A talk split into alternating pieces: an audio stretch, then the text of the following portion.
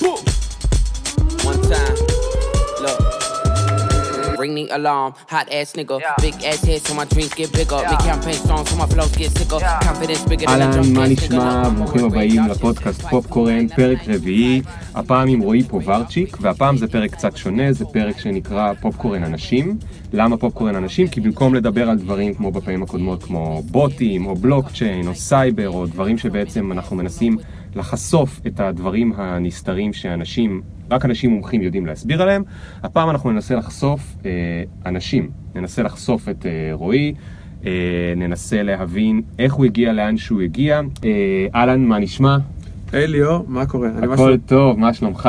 בסדר גמור, אני ממש שמח להיות פה ואני מודה שחיכיתי לזה, למרות שכמעט שכחתי ברגע האחרון, אבל אני מודה שחיכיתי לזה אה, חלק נכבד מהשבוע. אני מאוד מאוד אהיה מופתע אם אה, אנשים שמכירים את הפודקאסט שלי לא מכירים אותך, וגם ההפך, מה שאומר שאנחנו בעצם היינו צריכים להרחיב את המוטת כנפיים שלנו קצת יותר, יכול להיות שאנחנו מדברים בדיוק לאותם אנשים. מה אתה אני- חושב על זה? אני בספק שחלק מהאנשים ששומעים אותנו עכשיו לא פעם התבלבלו ביני לבינך, אה, כן, אה? ושאלו אותנו אם אנחנו אחים.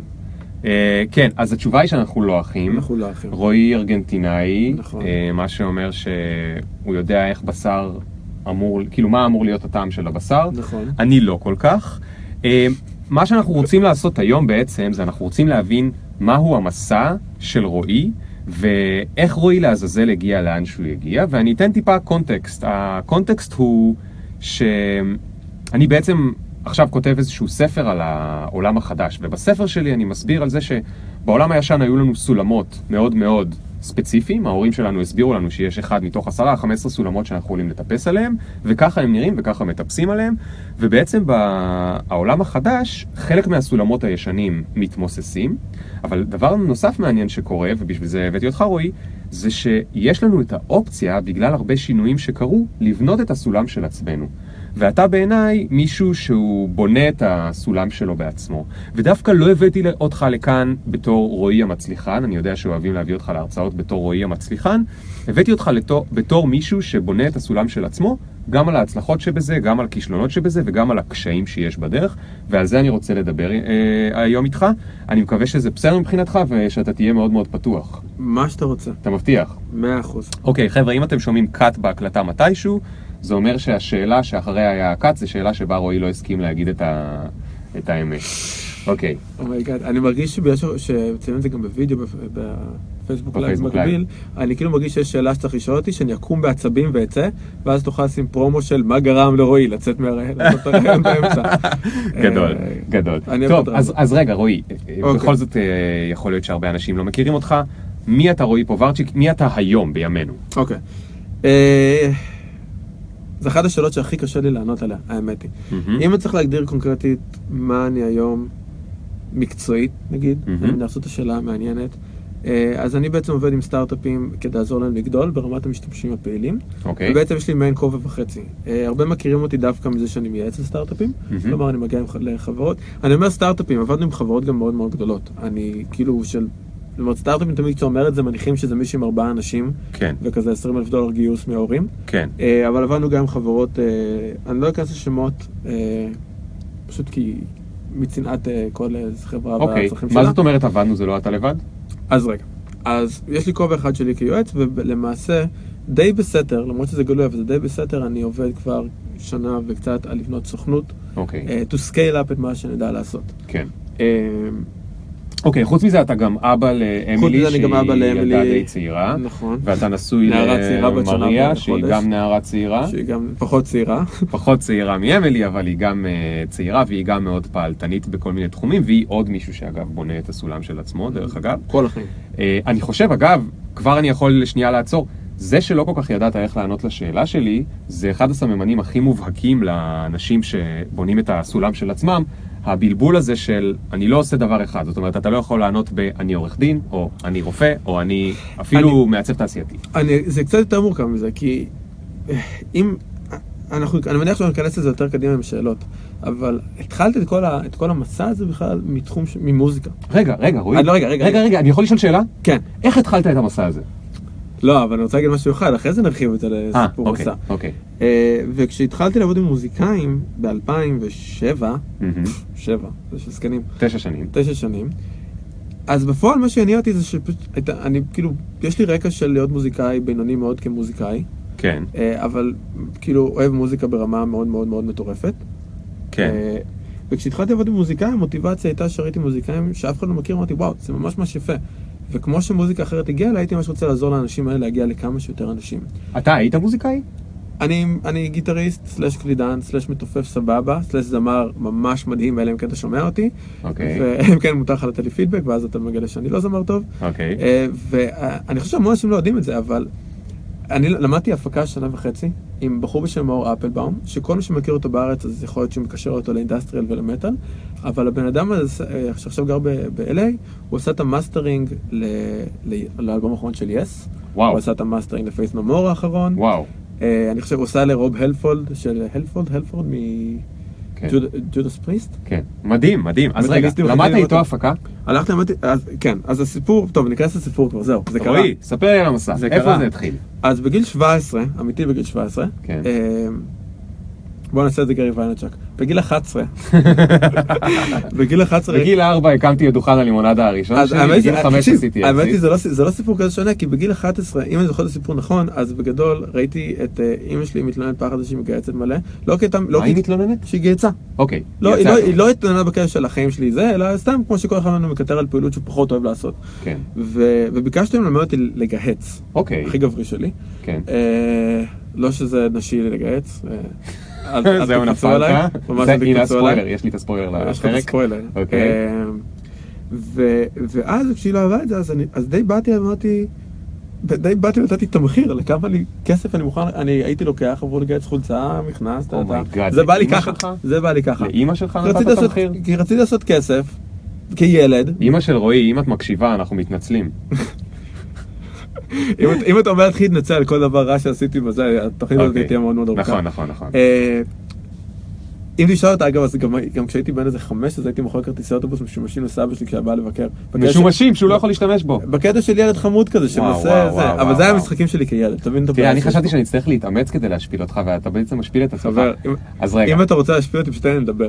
בדיוק, בדיוק. אז רגע, גיל 11, אתה מוכר. כרטיסי אה, לא, אוטובוס 11 לסבא, ואתה לא, מבקש מאמא כסף לגהץ. לא, גיל 11 אז אני מוציא מחירון גיוץ כזה, ואז הדבר הבא? שאני עושה זה שאני הולך לשער השכנים שלי ואומר, היי, אני מוכן לגייס עבור כסף. מדהים. אה, וזה העסק הראשון שלי. אני אגב אה, שטפתי מדרגות, קצת פחות סקסי מלגהץ. אפילו פחות סקסי. אה, תראה, כאילו, אם זה סקסי לגייס בגיל 11, יש בעיה עם עם המילה סקסי. כאילו. אוקיי, אז מה קרה בגיל 17? אה, אז, אז בגיל 17, כאילו ניגנתי גיטרה הרבה מאוד זמן, ולמדתי לבד, מינוס כמה שיעורים שלקחתי, אבל בגלל למדתי לבד, ולמדתי גם קלידים בעצמי, וטיפוף גם, פלוס מינוס. ו... ו... והפנו אותי לאיזה בחור בשם מאור אפלבאום, כי רציתי ללמוד הפקה. הבנתי כן. שאני, שיש לי עין, כאילו אוזן יותר טובה. להפקה, הפקה מוזיקלית, כן. יותר טוב ממה שנדע לנגן.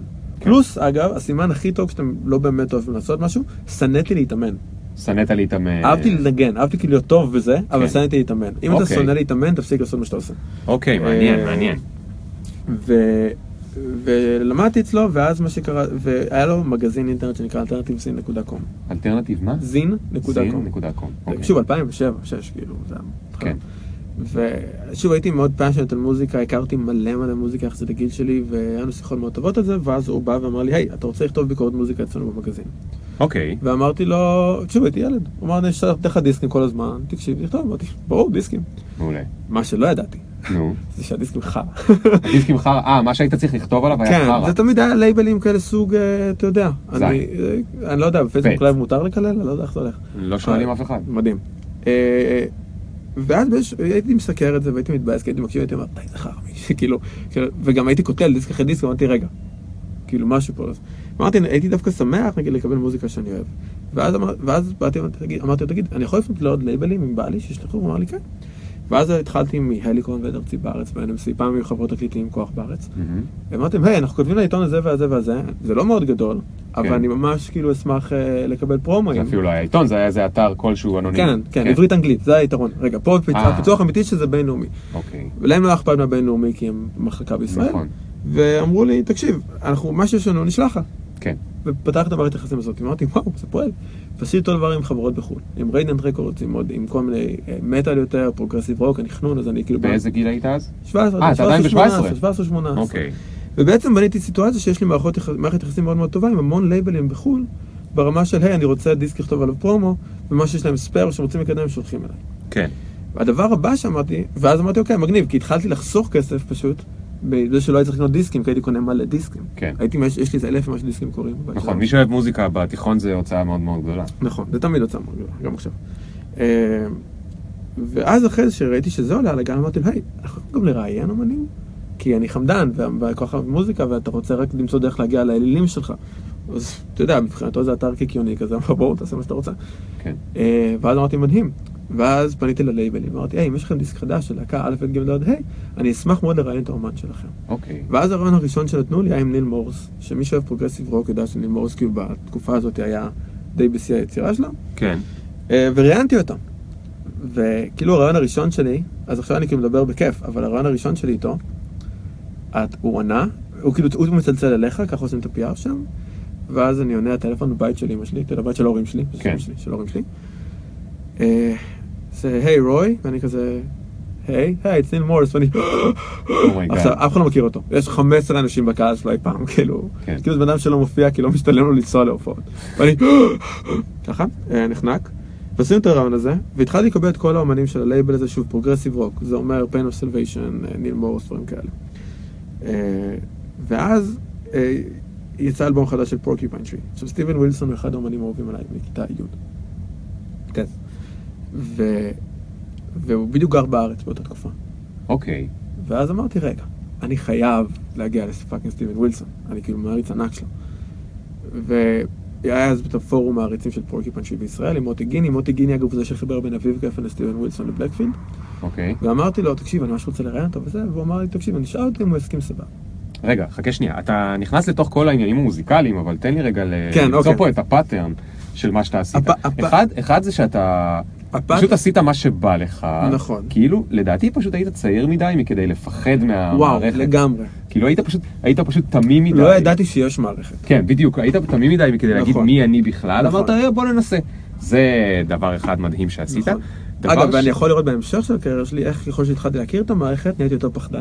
כן, זה מדהים. זה לינארית, מדהים. לינארית כאילו אתה התחלת דווקא יותר אמיץ, כי היית יותר... אה, לגמרי. אה, פחות תמים, יותר תמים, וככל שהכרת את המערכת, אתה נהיית יותר ויותר פחדן, נכון? לגמרי, זה- ב- בקילומטרים, זה. כאילו, בקילומטרים. אה, אה, מדהים. אז עשית את זה. אבל הדבר השני שהרגע אמרת שעשית, זה שאתה דיברת, כדי להשיג את כל הדברים האלה, בעצם דיברת כל פעם עם אנשים.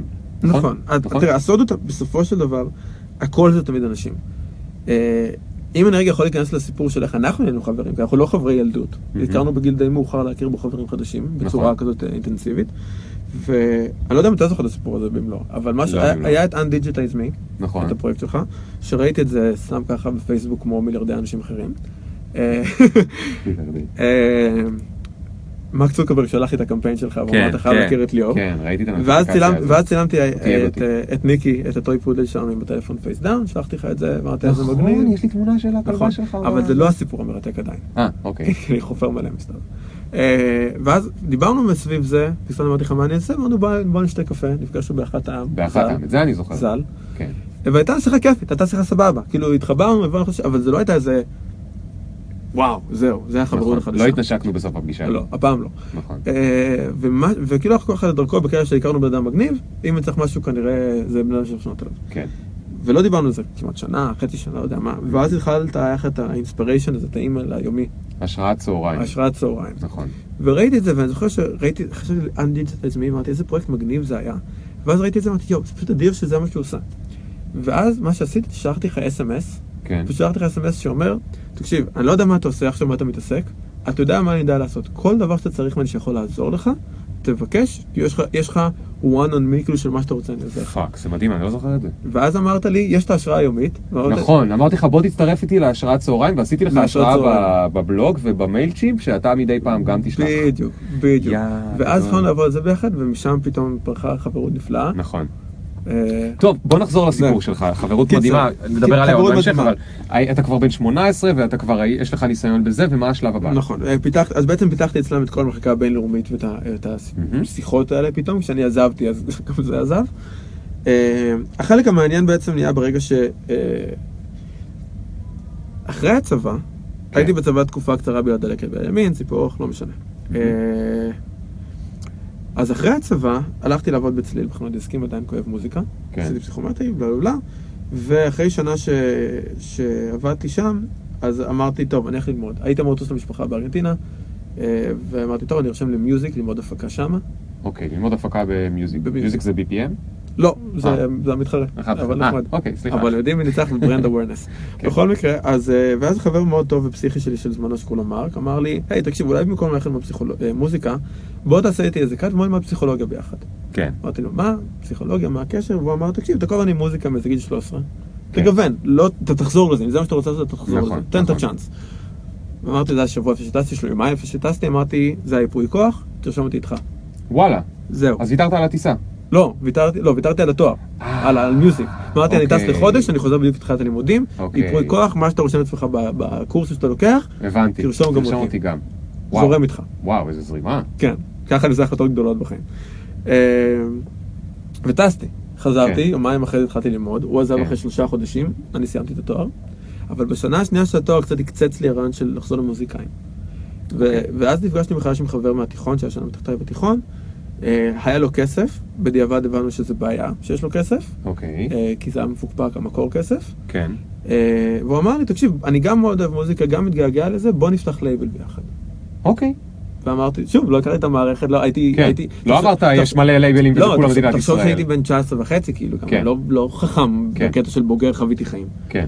ואמרתי לו, בוא נעשה את זה, אתה תהיה הגב הכלכלי, כי זה מה שיש לך להביא בפועל, כן. ו- וקצת את האדמיניסטרציה. אני אעשה את כל מה שקשור ל- לאומנות של זה. אני אעשה marketing, אני אעשה PR, אה, אני אביא את האומנים, הכל.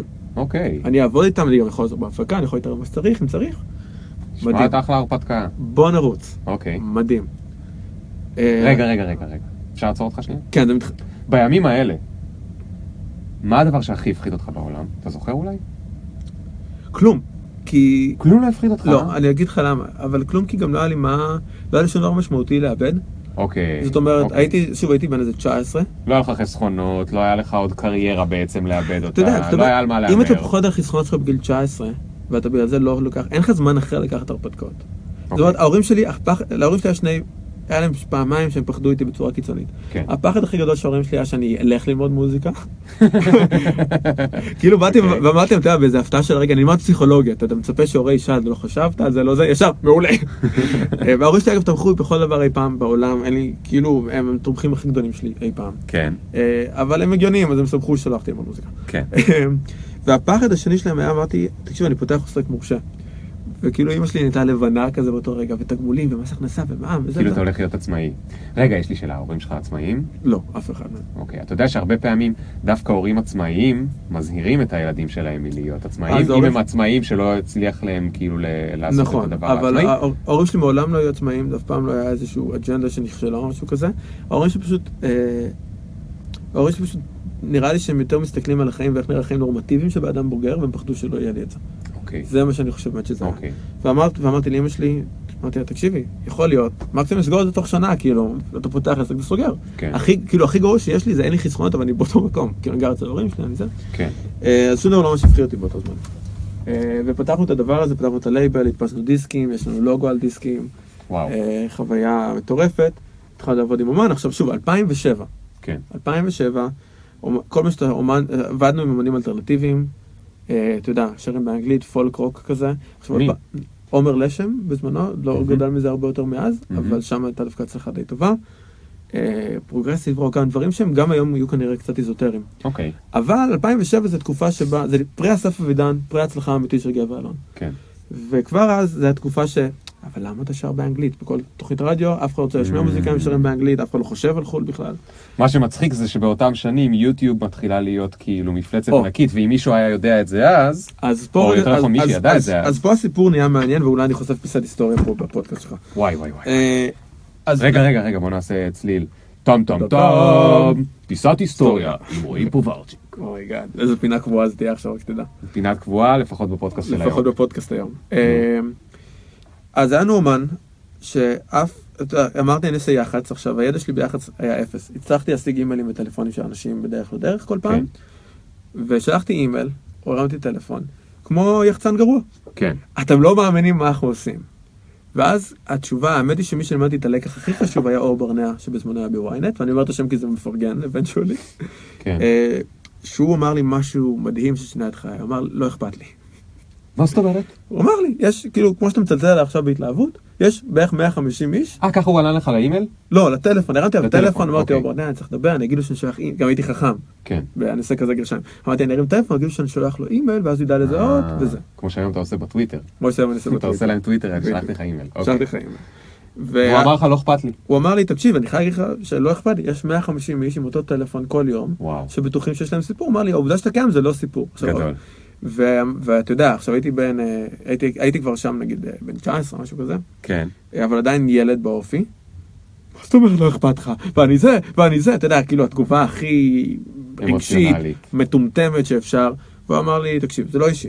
אני מבין, זה סבבה, אני גם מכיר, אני אני רואה אותך קצת בזה, אני יודע, הכל בסדר, אבל זה לא מעניין. כאילו, אתה חייב להבין, כשאתה עושה PR, אתה חייב את הסיפור שיעניין אותי, תן לי סקופ, תן לי משהו. רגע, תגיד, זה הלא הראשון שאמרו לך? זה הטלפון הראשון שעשיתי. לא, אבל אני מתכוון בחיים? בחיים כאילו... לא, לא, לא, לא, לא, לא, אני... אמרו לך עוד הרבה אלוהים, אז... כן, ברובן מנשים. אה, אוקיי, אבל- אבל זה היה לא אחד גדול ו... זה היה לא ברגע קריטי, זה היה לא שהיה לי מעין תחושה של אני עכשיו מביא פה סיפור, אני מתחיל את החיים שלי עם הדבר הזה, וזה מטורף. כן. כמו שהוא משיג בזה, פלייליסט, אני משיג. אתה כבר. חלמת איך הם עושים עליך את הכתבה על הלייבל החדש של. קוברצ'יק והחבר. אז זהו, שחלמתי איך אני מצלצל לאומן שלי ואני אומר נותן לו חדשות טובות. אה, זה היה הדבר אוקיי. האמיתי. אגב, וזה מה שחוזר לאורך כל החיים, התחושה אותי. הפחד הזה של לתת חדשות טובות לעומת חדשות רעות. כן. והוא אמר לו, ואז ש- אחרי שהוא שתף את זה לא סיפור, אז הוא גם הסביר לי, שמה? שהוא שתף אותי על זה שזה לא אה, סיפור, אוקיי, אז הוא הסביר לי איך נראה הסיפור. אוקיי. והוא פתאום עשה לי בום כזה, ואמרתי, רגע, אין לי מושג מה אני עושה, בוא נהפוך את הסיפור הזה. והתחלתי ללמוד את הנושא של איך לתת ערך. כשאני עושה PR, או כשאני מנסה לשכנע מישהו לדבר איתי, או לתת לי משהו, מה הערך? מה הסיפור שנותן לבן אדם שאומרים כן. לי באותו רגע. וואו. כן, וזה זה היה בגיל 19 וחצי. כן, זה- וואי, זה- איזה כיף לך שלמדת את הלקח הזה ב-19 וחצי, ממש. למדתי אותו בגיל 30. ממש, אבל החלק המבאס פה, נו. שהייתה לנו הופעת השקה, של אומן שבזמנו היה כאילו מביא 12 איש בעלות של 20 שקל, כן. ש... שאני לא, שאני לא ידעתי כלום, כמו שאמרתי. אז מה שקרה בפועל זה שאני אומר, מה, יעבוד איתנו, זה יהיה הצלחה מטורפת, יהיה לנו רדיו, יהיה הכל, סוגרים תמונה, 200 איש, 60 שקל כרטיס כדי למתג אותך טוב, עכשיו, לא יודע, כאילו אמרתי את זה out of my ass, כאילו אין לי מושג מה זה. כן. אני רואה את הפיארים, אני רואה שכל אחד אומר לי לא, לא, לא, לא, לא, ואני רואה את התאריך, "אה, איזה באסה, כי כי התחייבתי לכסף, לתמונה. וואו, וואו, וואו. ואמרתי, אוקיי. ופה נכנס רגע, רגע, רגע. אז ברגע הזה היית לחוץ מוות? כן, הייתי יותר כאילו, כן, הייתי לחוץ, הייתי לחוץ באותו זמן. לא, כי אתה מספר סיפור כאילו שהיית נרגש וחשבת איך זה, אבל לפני שנייה, עומר קוראים לו? או, אור. אור אמר לך לא מטורף, ואתה... התבאסתי, הייתי. כעסתי, נכנסתי לסטרס מהלא הזה כי הרגשתי כישלון כבן אדם. לא, וגם כי מכרת כרטיסים פוטנציאליים, כאילו, נכון? לא, זה- זה- זה כשהתחלתי לקבל את ה-15 לא, אם את ה-20 לא, אמרתי, רגע, אוקיי. אין לי דרך להביא את האנשים האלה. אוקיי. אה, וכל מי שאי פעם עבד עם booking, זאת אומרת, צלצל וסגר למקום, יודע שמשם, מהרגע שבו אתה סוגר, והם לא מכירים את האומן, מהמם. זה קצת מרגיש כמו הלוואה מהשוק האפור. כן. אה, כן. יש, אה, יש לך אנשים, יש קהל, אה, אין עדיין, כן. אף אחד לא קנה מראש, אתה כן. בטוח, אתה זה, אתה זה, אתה כן, זה, אתה זה. בניגוד לכ- ל... אם יש מישהו ידוע, אז הם עוזרים לך, הם מתלהבים, אה, הוא בא. להופיע אצלנו, אם זה מישהו לא, בדיוק. אה, בוא נ- נשב ככה עם הידיים ונראה אותך כאילו מביא את בדיוק, בדיוק, הכרטיסים. בדיוק, זה ככה גם עם עיתונאים אגב, אבל לא משנה. אמ, ומה שקרה זה שאמרתי, טוב, אני חייב למצוא דרך להביא את הקהל, ואז נכנס רועי פפרצ'יק הגרוס האקר לעולם. זה בעיניי הנקודה נולד שם. האמיתית, נולד שם. אוקיי. כי אמרתי, רגע, הקהל של, של, של האומן שלנו, אותו קהל שהיה בזמנו, נגיד עמית ארז שגם היה די בהתחלה, והקהל של זה, איפה החבר'ה האלה מסתובבים? איפה האנשים שאני מדמיין באים להופעה מסתובבים? כן, ואז אה, היה את הבלוג, עדיין יש את הבלוג המדהים של גיא חג'אג', עונג שבת. נכון. היה אותו כבר אז? היה אותו כבר אז. אני לא מאמין. אני אגיד לך יותר מזה, אגב, שגיא הוא. הבן אדם, תקשיב, גיא, איזה מתמידן! תקשיב, גיא הוא הבן. אדם, גיא הוא הבן אדם שפיקס אותי על איך להתנהג אונליין. וואלה. אני באתי ואמרתי לו, תקשיב, יש לי את הדבר הזה, את הלייבל, צלצלתי אבי לעונג שבת, והוא אמר, תקשיב, אנחנו ברעננה אצל אה, חברה שלי אביטל, אז גרו ברעננה, קפוץ, לא הכיר אותי, הוא לא ידע מי אני. וואו. והוא פתאום פתח ממני את העולם של וורדפרס ופלאגינים וזה וזה, אבל הוא, הוא כאילו דיבר על זה בתור אחד שהוא חי את זה, כי הוא מתעסק בזה, כן. ואני שומע, על סטרימינג ועל זה, ואני ישבתי שם, והוא ישב איתי איזה שלוש שעות נראה לי באותו יום, והוא כאילו, הוא, הוא, הוא, הוא עשה hosting לתכנים הראשונים שלי, כי לא ידעתי מה לעשות עם עצמי. כן. הוא פשוט עזר לי, כאילו, הבן, בזכות הבן אדם הזה אני עושה mentoring כל כך הרבה, כי הוא התניע לי את הקריירה. איזה טירוף, כאילו בן אדם אחד שאתה פוגש אותו באמצע שום מקום, ומוכן משום מקום בשיא הנדיבות, כאילו פשוט וזה, לקחת אגב, אותך, וזה ה-DNA של הבן אדם הזה. ולהזיז אותך, ואיך איך כאילו דבר, אירוע כזה שקורה יכול כאילו אשכרה ל- לתת לך boost זה מטורף. DNA שאתה רוצה שיהיה לך, ככה אני רואה את זה. DNA שיודעת ששינית למישהו את החיים, זה ה-DNA הכי מדהים שיכול להיות. לא רק, אבל אפשר גם לחשוב על זה שזה כלי לחפש מישהו עם כזה DNA, כי אולי במקרה הוא ייקח אותך ויציל אותך, זאת אומרת, אני, אני מדבר ל, ל, לעצמי וגם ל, ל, לכל מי שמקשיב, כאילו למ- למצוא את הבן אדם הזה שאולי הוא עכשיו ייקח אותך ויעשה לך איזשהו כזה בלגן קטן בראש, שיעזור לך להגיע למקום חדש. לגמרי, אני אפילו חושב יותר מזה, אני חושב שאם הכוונה שלכם טובה, מהמם. אם אתם במקום מאוד אמיתי כשאתם פונים למישהו, כן. הוא כמעט תמיד יגיד לכם כן. הפנייה האקטיבית הזאת, אני לא חושב שהוא פתאום היה רואה אותי אבוד ואומר לי, היי, בוא לדבר איתי. כן. אבל פניתי אליו, הוא הבין שאני אבוד, אמרתי לו, אתה יכול לעזור לי עם זה וזה? הוא אמר, כן, בוא. ו... אוקיי, אז גיא חג'אג' עוזר לך וגורם ל-growth hacker שבכלל כן. כי- מה כי- זה בכלל growth אז- hacker? אז growth hacker זה מי שעוזר לסטארט-אפים על מה שדיברנו קודם, כן, להשיג עוד user וכולי. כן, איך לגדול בגדול. אבל נעזוב. את זה. רגע, הוא עזר לך להבין מה לעשות אם אתם בעולם רוצים לשמוע. על מה דעתי על growth hacking, אז אנחנו אולי נגיע לזה, אבל באמת תכתבו רועי פוברצ'יק growth hacking, יש 400 כתבות. נכון, אה, לא בשביל זה הבאנו אז אם אותך לא נגיע לפה. לזה, אז ככה אתם מגיעים לכתבות האלה. כן, לא בשביל זה הבאנו אותך לפה. נכון. אוקיי. אה, ומה שקרה שם זה שפשוט התחלתי תהליך של reverse engineering. מה ילהיב את הקהל הזה? אוקיי. והסתכלתי וראיתי שתמיד הדברים שהכי, שכולם הכי עפים עליו בבלוג של גיא, זה שיש סינגל שהוא נותן מוזיקה להורדה mp3, שאז זה גם mp3, זה עדיין לא איזה, נכון. זה כאילו נאפסטר עדיין. נכון, נכון. אגב, 2007, מייספייס זה הערוץ הכי גדול, פייסבוק פחות מ-100 אלף משתמשים, גוגל הם pre, יוטיוב הם pre acquisition, או על הסף של ה acquisition. כן. ואני יושב שם, ואז אמרתי, אוקיי, בואו, בואו, אני רוצה לשווק לקהל הזה, אני רוצה שהקהל הזה יעוף עליי. אוקיי. ואז הלכנו ולקחנו סינגל להורדה, ושמנו אותו בשני פורמטים, mp3 ו FLAC. פלאק זה לוסלס כזה, הוא לא מאבד את האיכות של הסאונד, נכון. והוא יותר קטן מוואב, אבל יותר גדול מ-mp3. והמטרה היחידה שלי עם הפלאק היה שכשהם יראו את זה, הם יגידו, בואנה, הבן אדם הזה אכפת לו מאיך הסאונד הזה עומד להישמע, Mm. שיקשיב לזה באוזניות. נכון. אני זוכר בתור מי שכאילו היה כנער מתבגר, אתה יודע, שיחק עם פטפונים ונסע לשוק הפשפשים, כאילו גדלתי בקריות, הייתי נוסע לשוק הפשפשים עם חברים, היינו קונים פטפונים, ואז אה, היה לי חבר אמיר שהוא היה גאון בדברים האלה והוא היה מתקן אותם תמיד, והוא ודניאל היו עוזרים לי לאסוף תקליטים, ו, ואז מגיע פתאום ה-MP3, ובתור חובב תקליטים אתה... אתה בכלל הרי לא הסכמת לשמוע מוזיקה נכון. דיגיטלית, ועכשיו מביאים לך mp3, ואתה אומר, מה זה הגועל נפש הזה? ואז אתה רואה אנשים ששמים קבצים ב-320 kbps, בדיוק. או בפלאק, ואתה אומר, זה מישהו שאכפת לו ממני. בדיוק. ואתה עושה כאילו שאתה יודע להבחין בהבדל. סתם, יש איזשהו הבדל, אבל הוא מאוד קטן. אבל רק ניל יאנג מכיר כן, אותו. כן. אה, אוקיי, וזה היה הדבר הראשון. ודבר שני שעשינו, המטרה הייתה להתחיל לקדם את ההופעה. אמרתי, יש לי חודש לקדם את ההופעה הזאת. כן. שמו את הסינגל להורדה, אה, אבל אז, ואמרתי, אני חייב אבל להבין מה האפקטיביות של הטריק הזה שלי. ואז- איך מודדים את זה? עכשיו אין גוגל אנליטיקס, 2007. אה, אז שמנו קופון. שמנו קופון, אז מה שנתנו release, אגב, מטורף. זאת אומרת, הייתה עטיפה אמיתית שייצרנו לזה, עם המילים של השיר, עם מכתב אישי מעומר, כן. המוריד, כן. מכתב אישי ב-PDF, וקופון הנחה. והמטרה שלי הייתה, אמרתי, מי שבא עם הקופון, הוריד את הסינגל. אוקיי, זה ה conversion המעניין שלי פה. אוקיי. וזה אמרתי ששם המוח הזה נולד. ואמרתי, אבל בוא, בוא נתאבד, בוא, בוא נהפוך במשך חודש להיות הפנטזיה הרטובה של כל מי שבאמת אוהב אומן, כן, בעולם הדיגיטלי של 2007. כן. עשינו hack מטורף והצבנו את המ... למדתי פוטושופ, HTML ו-CSS, גדול. בשביל להתעסק עם המייספייס. גדול. הסיפור הבאמת מגניב זה שגנבתי מלא קוד מהמייספייס של 9 inch nails. מה? להם, היה להם מייספייס מדהים ל-9 inch nails. הם פירקו את הקוד של החרא הזה, וגנבתי להם קוד. ואז מה שקרה אחרי זה, זה שהם שמו לב. כי הם ראו שמתחיל להגיע traffic מאוד הזוי. ל-9 inch nails, כי גנבתי קוד, ולא ידעתי מה אני גונב גם, כי, כי כן. לא ידעתי מה הדברים אומרים. לא אז אני. גונב כאילו לינקים נסתרים ל-9 inch nails, כי הם כן ידעו למדוד כבר חלק מהדברים. אוקיי. ואז הוא מקבל ורואה איזה סטייה מוזרה שמגיע traffic כזה הזוי מאיזה עומר לשם כזה. ואז הוא פנה אליי, הוא אמר לי, היי, זה זה כאילו, המנהל דיגיטל שם, רוב פנה, יש משהו מוזר, אבל, ואז אמרתי לו, תקשיב, אני אהיה ממש אמיתי איתך, אין לי מושג מה אני עושה וגנבתי לך מלא מהמייספייס. אוקיי, אז אם, אם אני רגע חוזר שנייה לענייני הקווים שנתבים פה וה patterns, אז לא רק שאתה היית חצוף ותמים ולא מפחד, הדבר נוסף שעשית זה reverse engineering, זאת אומרת, אתה חשבת מהסוף להתחלה מה הקהל הזה. אה, ירצה שאני יכול לתת לו, וגם עשית עוד משהו שהוא מאוד חשוב, שזה להסתכל על מישהו אחר במקום מאוד דומה, שזה גיא חג'אג' עם הבלוג שלו, מה עובד אצלו, מה שעובד אצלו זה להשתמש בסינגלים. גם אני אנסה לעשות, להתחקות אחריו, זה גם שיטה מאוד מאוד מאוד חכמה, זה- לנסות זה לא, להתחקות רגע, לא, אחרי. זה לא, בד- זה לא בדיוק להתחקות אחריו, כמו לשאול מה הם אוהבים. כן, ו- ו- אוקיי. ולעשות יותר ממה שהם אוהבים. אני- כן. כי הקמפיין השלם, ואני רגע, ואני רגע ארוץ לקדם, שנתקדם ב timeline שלנו, כי אני אוהב להתחפר לסיפורים. אה, במשך החודש הזה, עשינו מה שבימינו נשמע default, אבל נתנו סינגל להורדה בשבוע הראשון. כן. סליחה, הדבר הראשון שעשינו זה שהתחלנו קמפיין יוטיוב. אוקיי, שוב, שוב, יוטיוב, מישהו מיוטיוב עזר לי לעשות משהו. וואו.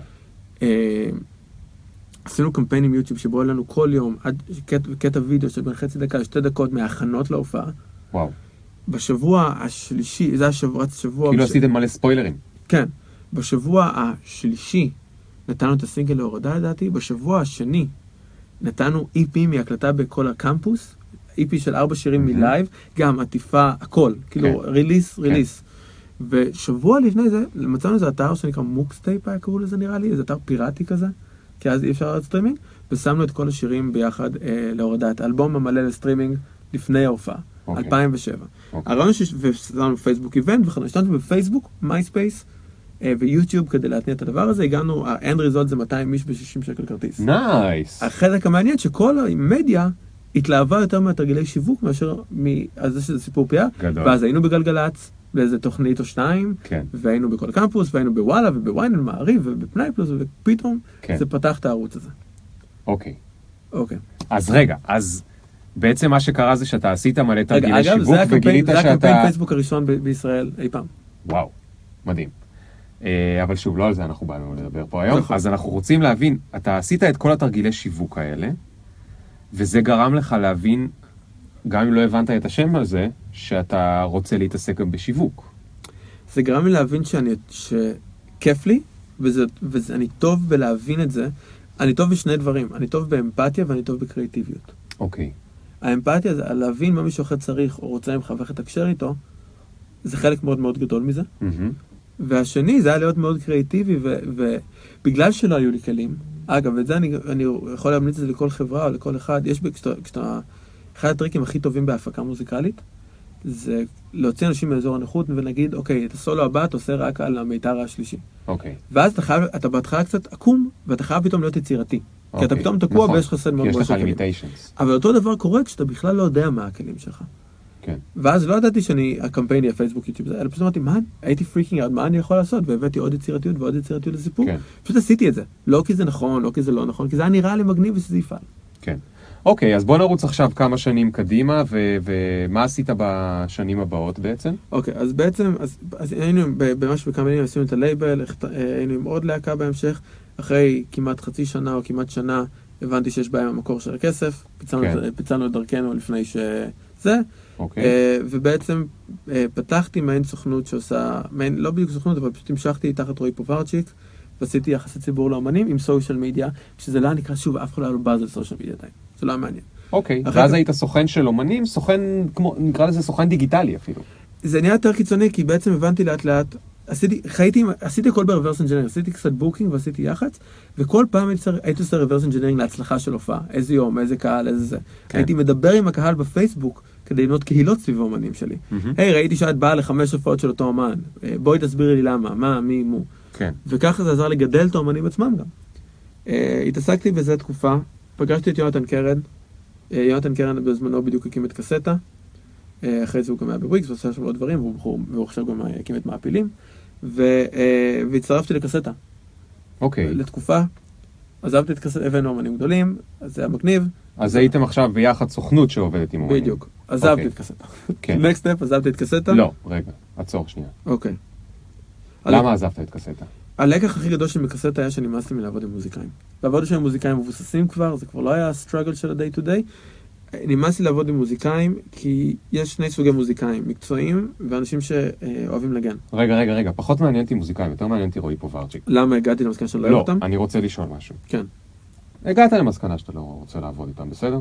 עזוב, כולנו אלוהים. מגיעים למסקנה, כל היום. למסקנות של דבר- שאנחנו עושים דברים שאנחנו עושים ולא אוהבים אותם. פחד אלוהים. מה פחד אלוהים? כי מגיל 13 אתה מגדיר את עצמך בתור The Music Guy, כל מי שמכיר אותך מהתעשייה, מהסביבה האזורית בפרצ'ק של המוזיקה, מהמם. והפחד הכי, והפחד הכי גדול הוא הרי לאבד את הזהות שלך. כן. וכשכל, ועכשיו הסביבה ש, שמסביבי כבר באותו זמן הייתה הרבה יותר מיוזיק אוריינטד, עשיתי מלא ויתורים בשביל זה, ואתה בעצם מגיע לנקודה שאתה מוכר על תקן אחד. כן. עכשיו, אני לא יודע מה הצעד הבא שלי בכלל, כן. אה, אבל אם אני עוזב את המוזיקה, אז, אז מי אני בעולם? מי אתה בכלל? בדיוק. מי אתה, רועי? מה-. ארגנטינאי? כאילו, מה חזרת להיות? סתם ארגנטינאי. אז לא הפסקתי להיות מוזיקאי, עם, כן. לעבוד עם המוזיקה, כי אמרתי, אני לא יודע מי, אני לא יודע מה הצעד הבא, וכאילו, אם, אני- גם היה לי פחד, אם עכשיו אין לי, אתה יודע, אם עכשיו אין לי מוזיקה לדבר עליה, האם יכול להיות שחלק גדול מהחברים שלי בעצם אין לנו שום, האם זה חיבור שהוא מבוסס על, על שהוא קולגה פשוט, של, כן. קול, ו, ואני מאבד את זה? כן. עם מי אני מסתובב, מי החברים שלי, מה, מה אני עושה בימים? זה כמו מתכנת שהחליט שהוא רוצה להפסיק לתכנת, ופתאום הוא אומר, רגע, יש לי חברים שהם מתכנתים ואני מדבר איתם על... בדיוק, אה, בדיוק. על ה... ת- תחשוב שאתה- סוגר את. הסטארט-אפ שלך והולך להיות חקלאי. ועכשיו פתאום צריך להגיד לכולם, "אני ח- אה, סטארט-אפ לא, זה כבר לא אני. ואז, ואז המעבר, אז מאיפה היה לך ביצים לעשות את זה? אז לא היה לי ביצים לעשות את זה. אה, אז מה עשית? עזבתי את קסדה והמשכתי לעשות את זה לבד, ופשוט הרחבתי את הסקופ שלי, אמרתי, אמרתי, הבנתי שזה לבד לא פועל, זה לבד לא, זה לבד לא פועל, התחלתי להכניס, לו את, פתחתי בלוג שנקרא מוזיקאי במשרה מלאה. רגע, רגע, יש לי עוד שאלה קודם. כן, יונתן אה, קרן, אני מת עליו גם, פגשתי אותו הרבה פעמים, והאמת שגם כמעט עשיתי איתו קצת אה, עסקים. אתה נכנסת לסוכנות, זאת אומרת, הוא פתח לך את הדלת לסוכנות שלו, נכון? או לפחות לברנד שלו, כי קראו לזה קסטה.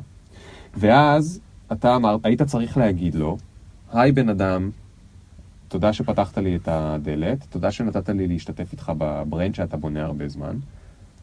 אני הולך? ביי? כאילו, מה, איך לא, עשית אז את זה זה? טיפה שונה, כי ה brand לא היה קיים הרבה זמן, זה היה התחלה של קסטה. אוקיי. כאילו, כאילו המסלול שלנו היה לעשות שותפות מלאה לכל דבר. אוקיי. זו הייתה המשמעות. אבל איך החלטתם על זה שזה מתפרק? אז זה לא החלטה שאני פרק, החלטתי שאני עוזב. עכשיו, בגלל שלא, זאת אומרת, לא אהבתי את מה שאני עושה, לא, רצ... זאת אומרת, לא רציתי, לא, זה לא, לא, הייתה, לא היה לי כעס, אבל לא רציתי לקחת איתי משהו. לא רציתי אחוזים, לא כן. רציתי רווחים, לא רציתי... אבל הוא מותג. ראה עליך שאתה כבר הוא ראה לא עליי? לחלוטין. הוא ראה מה, עליי היית לחלוטין. בא גם הייתי מדבר לעבודה עם. אה, פרצוף תשעה לא, הייתי באב? מדבר איתו על זה, ואני תמיד מנסה לא, שלא יצטרכו לנחש מה קורה לי בראש אם הוא רע. כי אם כשאתה פוגש מישהו ואתה עובד עם מישהו והוא בדאון, אתה צריך להתחיל, אתה צריך לנחש מה קורה. עכשיו, להיות בן אדם שמתעסק בפשטות, או חותר לפשטות בחיים, מהמם. אז פשטות זה לא רק להוריד כפתורים מממשק, וכפת- ופשטות זה לא רק להגיד אה, וואו סטיב ג'ובס קורן. פשטות זה גם להביא פשטות לכל דבר שאתה עושה. אני לא מצליח 100% לעשות את זה, אבל מנסה. ופשטות במערכות יחסים זה כנות מוחלטת. אוקיי. פשטות אמיתית זה כשאני לא צריך לנחש מה אתה חושב עליי. מהמם. אם התבאסת, אני יודע שהתבאסת עליי, אם אתה כועס, אני יודע שאתה כועס עליי. וכשאני פוגש אותך פעם הבאה, אני לא צריך לנחש באיזה vibe או באיזה אה, עניין באת עליי. ואז פעם הבאה שאנחנו נדבר על משהו שאנחנו רוצים לעשות ביחד, מהמם. ואתה חושב שנגיד יצא לי לא טוב, אני אדע שאתה חושב שהרעיון שלי עכשיו לא היה טוב. לא היה לי בראש, אה, הוא כועס עליי ועכשיו הוא סתם, אה, he's sticking it up to me בגלל שהוא כועס עליי. ככל שאני יותר פתוח וכנה בתוך המערכת יחסים שלי, כן. היא יותר פשוטה.